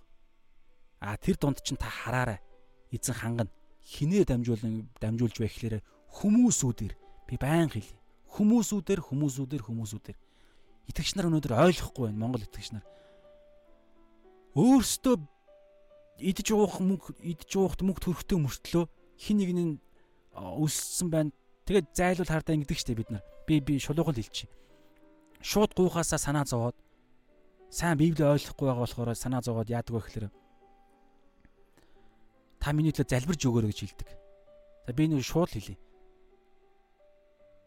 Тэр хүмүүс гуйж ин танаас. Залбирж өгөөрэй гэдэг хэллэгийг ашиг танаас гуйж ин. Аа тэгвэл танд байхгүй бол та хамаа болно шүү дээ. Жинхэнэ яг залбирж өгж болно. Та байвал та өг хүүрэхтэй тэр танд байгаа зүйл чинь таних биш байхгүй да. Танд үнгүү өгсөн зүйлс. Үнгүү өгдөгөө та би өөрөө ажиллаж олсон гэж та хэллээ гэж бодъё. Та ажиллаж олж байгаа тэр бүх зүйл чинь хөдөлмөрт чинь шаардлагаж байгаа бүх зүйлс үнгүү өгсөн. Тэр өтгөө энэ дэлхий дээр аврагдчихад энэ дэлхий дээр амьдарж байгаа ч хүртэл бид амьдрахаар хаанчлалын төлөө амьдрахаар дуудагдсан. Бид аврагдаал бид энэ дэлхий дээр амьдрах зорилго маань бүрэн биелчихэж байгаа шүү дээ. Одоо бид яах гэж энэ дэлхий дээр амьдарч байгаа юм? Бусдынхаа төлөө. Аврагдаагүй хүмүүсийн төлөө нэгдүгээр хоёрдугаарт аврагдсан мөртлөө үйлчлээд хэрэгцээнд дунд явж байгаа ах дүүсийнхаа төлөө. Тийм үүрэгтэй. Тэг гэж эзэн хэлсэн. Үнгүү авснаа үнгүү үг гэж хэлсэн. Тийм ч учраас ядуусыг та нар хооллоогүй бол намайг хооллоогүйтэй адилхан гэж эзэн хэлсэн шүү дээ. Яагаад вэ? Хаанчлал яриад байна. Хаанчлалын том тогтолцоо. Тийм учраас бид нэг нэгнийхээ хэрэгцээг харах. Эн чинь хайр дээ. Хайртай хүмүүс бид хараад яна мана хайртай хүмүүс хайртай хань маань хайртай үерхэж байгаа найз охин маань найз залуу маань үлссэн байна гэд дансанд байгаа ямар ч хэрэглэхдэггүй дансанд байгаа мөнгнөөс нэг одоо юу гэдэг нэг 50000 төгрөг гаргаж ирээд хоол аваарай гэд өгч байгаа чинь хайрын илрэл биш гэж юу? Тэгээ та нар бид бие биендээ хайртай биш гэж юу? Тэгээ ийм төвшний хаанчлал өнөөдөр хэрэгжих ёстой дуудлага ариун сүнс үүний төлөө ятгаад байна, ятгаад байна. Аа гэтэл энийг хэрэгжүүлэхгүй байвал та хаанчлах юм юм уу? Гэхдээ миний бодлоор энийг ингээ ярихад яг хаанчлалтын хүн ариун сүнстэй хүн бол амиа гэж хэлэн би итгэж байна. За тэгэхээр энэ дээр ярьсан шүү дээ түрүүн үнгүү байгаа авьяас одоо энэ та та мундаг дуулдаг хүн байна уу? Та хэний төлөө ямар зорилгоор та дуулдаг авьяасаа ашиглах вэ? Нэг л зорилготой. Тэнгэрийн аанчлалын төл зорилготой та өнөөдөр танд авьяас өгөгдсөн. Танд мундаг мэдлэгүүд байна уу? Элдв янзын гоё те түүхийн, элдв янзын шинжлэх ухааны мэдлэгүүд байна уу? Танд гоё чадварууд байна уу? Та гоё а юу байдгийг янз бүрийн чадварууд байна. Спорт байж болно, тэ гар урлалын чадвар байж болно, бизнес мөнгө олдог чадвар байж болно, юу байж болно.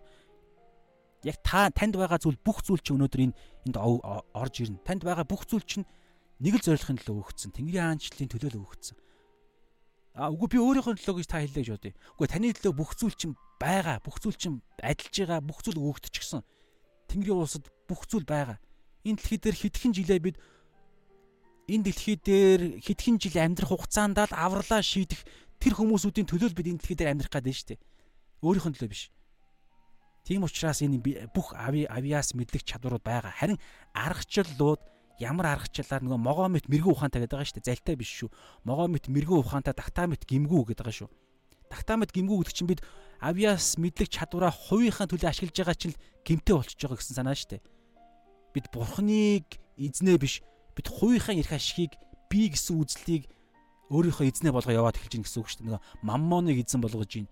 Бурхнаа биш маммон буюу тэр мөнх санхүү нэр хүнд бурхнаас дээр тавьж байгаа зүйлийг эзнээ болгож гинэ гэдэг чинь бид а тактамит гимгүү байх чадахгүй байна гэсэн.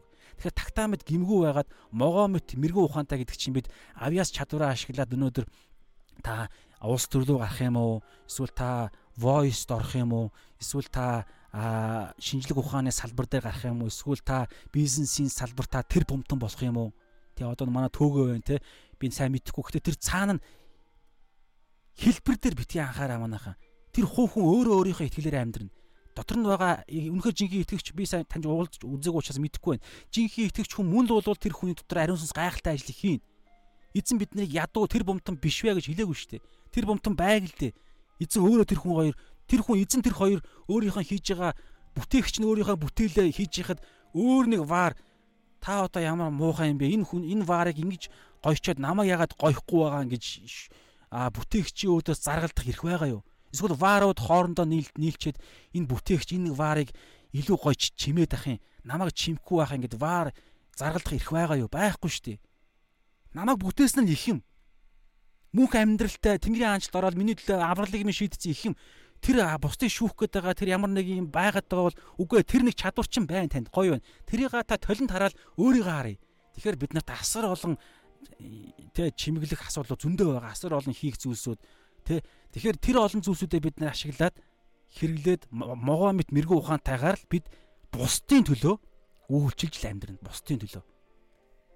Энэ бол тушаал байгаа шүү дээ. Хэлсэн шүү дээ, тэ. Үнгүү авснаа үнгүү үг гэж Матай 8 аа энэ 10-ын Матай 10-ын 8 дээр байна. За, ингээд өнөөдрийнхээ цагийг ерөнхийдөө өндөрлөе гэж бодож байна.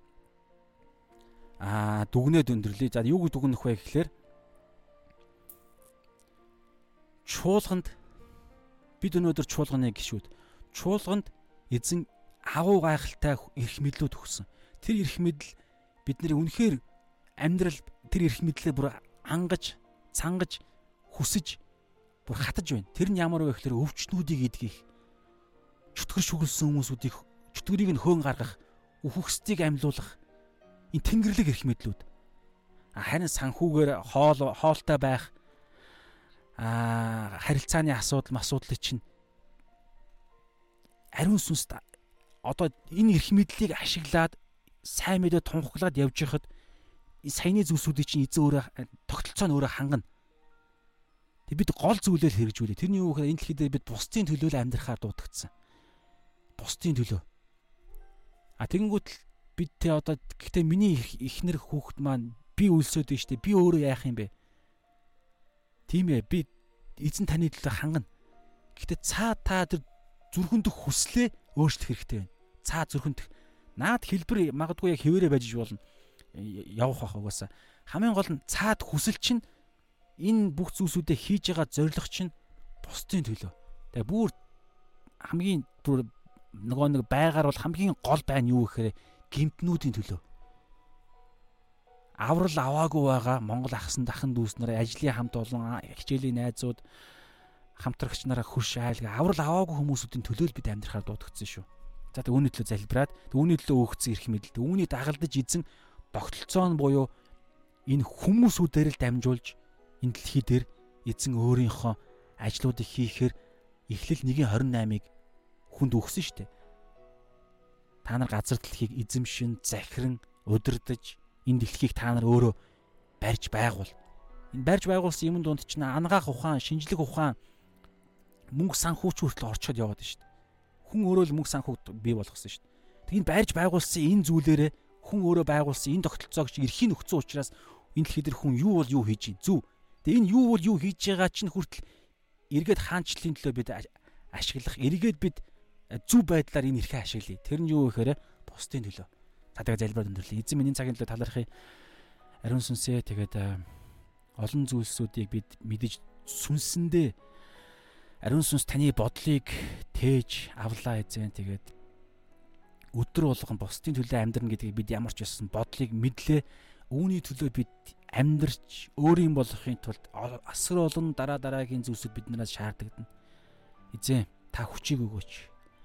Та бидэнд хайрыг өгөөч, бидэнд итгэлийг өгөөч.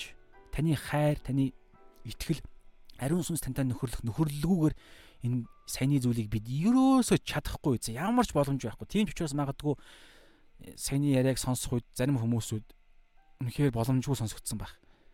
Тийм ээ, боломжгүй гэж бодсон хүмүүс байгаа бол зүв байна. Яг үнэн. Тийм учраас Матай 5-ын 3 сүнсэндээ ядуу гэдгээ та яг одоо ойлго. Ямар ч боломжгүй гэдгээ та яг одоо улааж гимш. Тэгээд ариун сүнсийг ариун сүнсний оролцоо, ариун сүнсний хүчийг гуй Тэгээ ариун сүнсний мэрэгүү ухаан, ариун сүнсний нөхөрлөл, ариун сүнсний зөвлөгөөгүй сонсч чадахгүй байна уу? Тэгвэл сонсохын төлөөгүй. Яаж сонсох юм? Библийн үгээр л ярьдаг. Тэгээ Библийн үгийг ойлгохгүй байна уу? Тэгвэл чуулган дээрээ оч. Нөгөө дөрвөн талд үйлчлэлийн бэлэг авьяастай хүмүүсүүд нь байгаа. Пастор ахлагч нар дээрээ оч. Та очихоор дургу өрөөд шүүх гээд байна уу? Та даруус. Бурхнаар өгсөн эрх мэдэл байгаа учраас тэр эрх мэдлийг та ойлгохгүй байж ойлгохгүй байгаа үедээ л түрүүн тэр хэлсэн шүү дээ. Дуулууртай байгаад итгээд та зүгээр л үйлд. Та тэгээд дараа нь та юу байсныг олж харах болно. Ирэх мэдл та захирагдаарай. Тэгээ бүх зүйлийг танд даалгахад даатахыг, талархыг сонссон хүн болгоныг танд өргөе эзэн. Тэгээд ариун сүнс та бүгд зүйлийг та үргэлжлүүлж авч яваарай гэсэн. Тэгээ буруу ярьсан зүйл байгаа бол дутуу ярьсан зүйл байгаа бол та үргэлжлүүлээрэ үргэлжлүүлж та заагаараа номлоорой Есүсийн нэрээр амин. Энэ цагийн төлөө тань талархыг дараагийн цагаар уулзтлаа. Түр баяртай. Дараагийн цаг болвол аа өнөөдөр чинь бүтэнсээ өдөр гэхээр 3 дахь өдөр байна. За шалаа.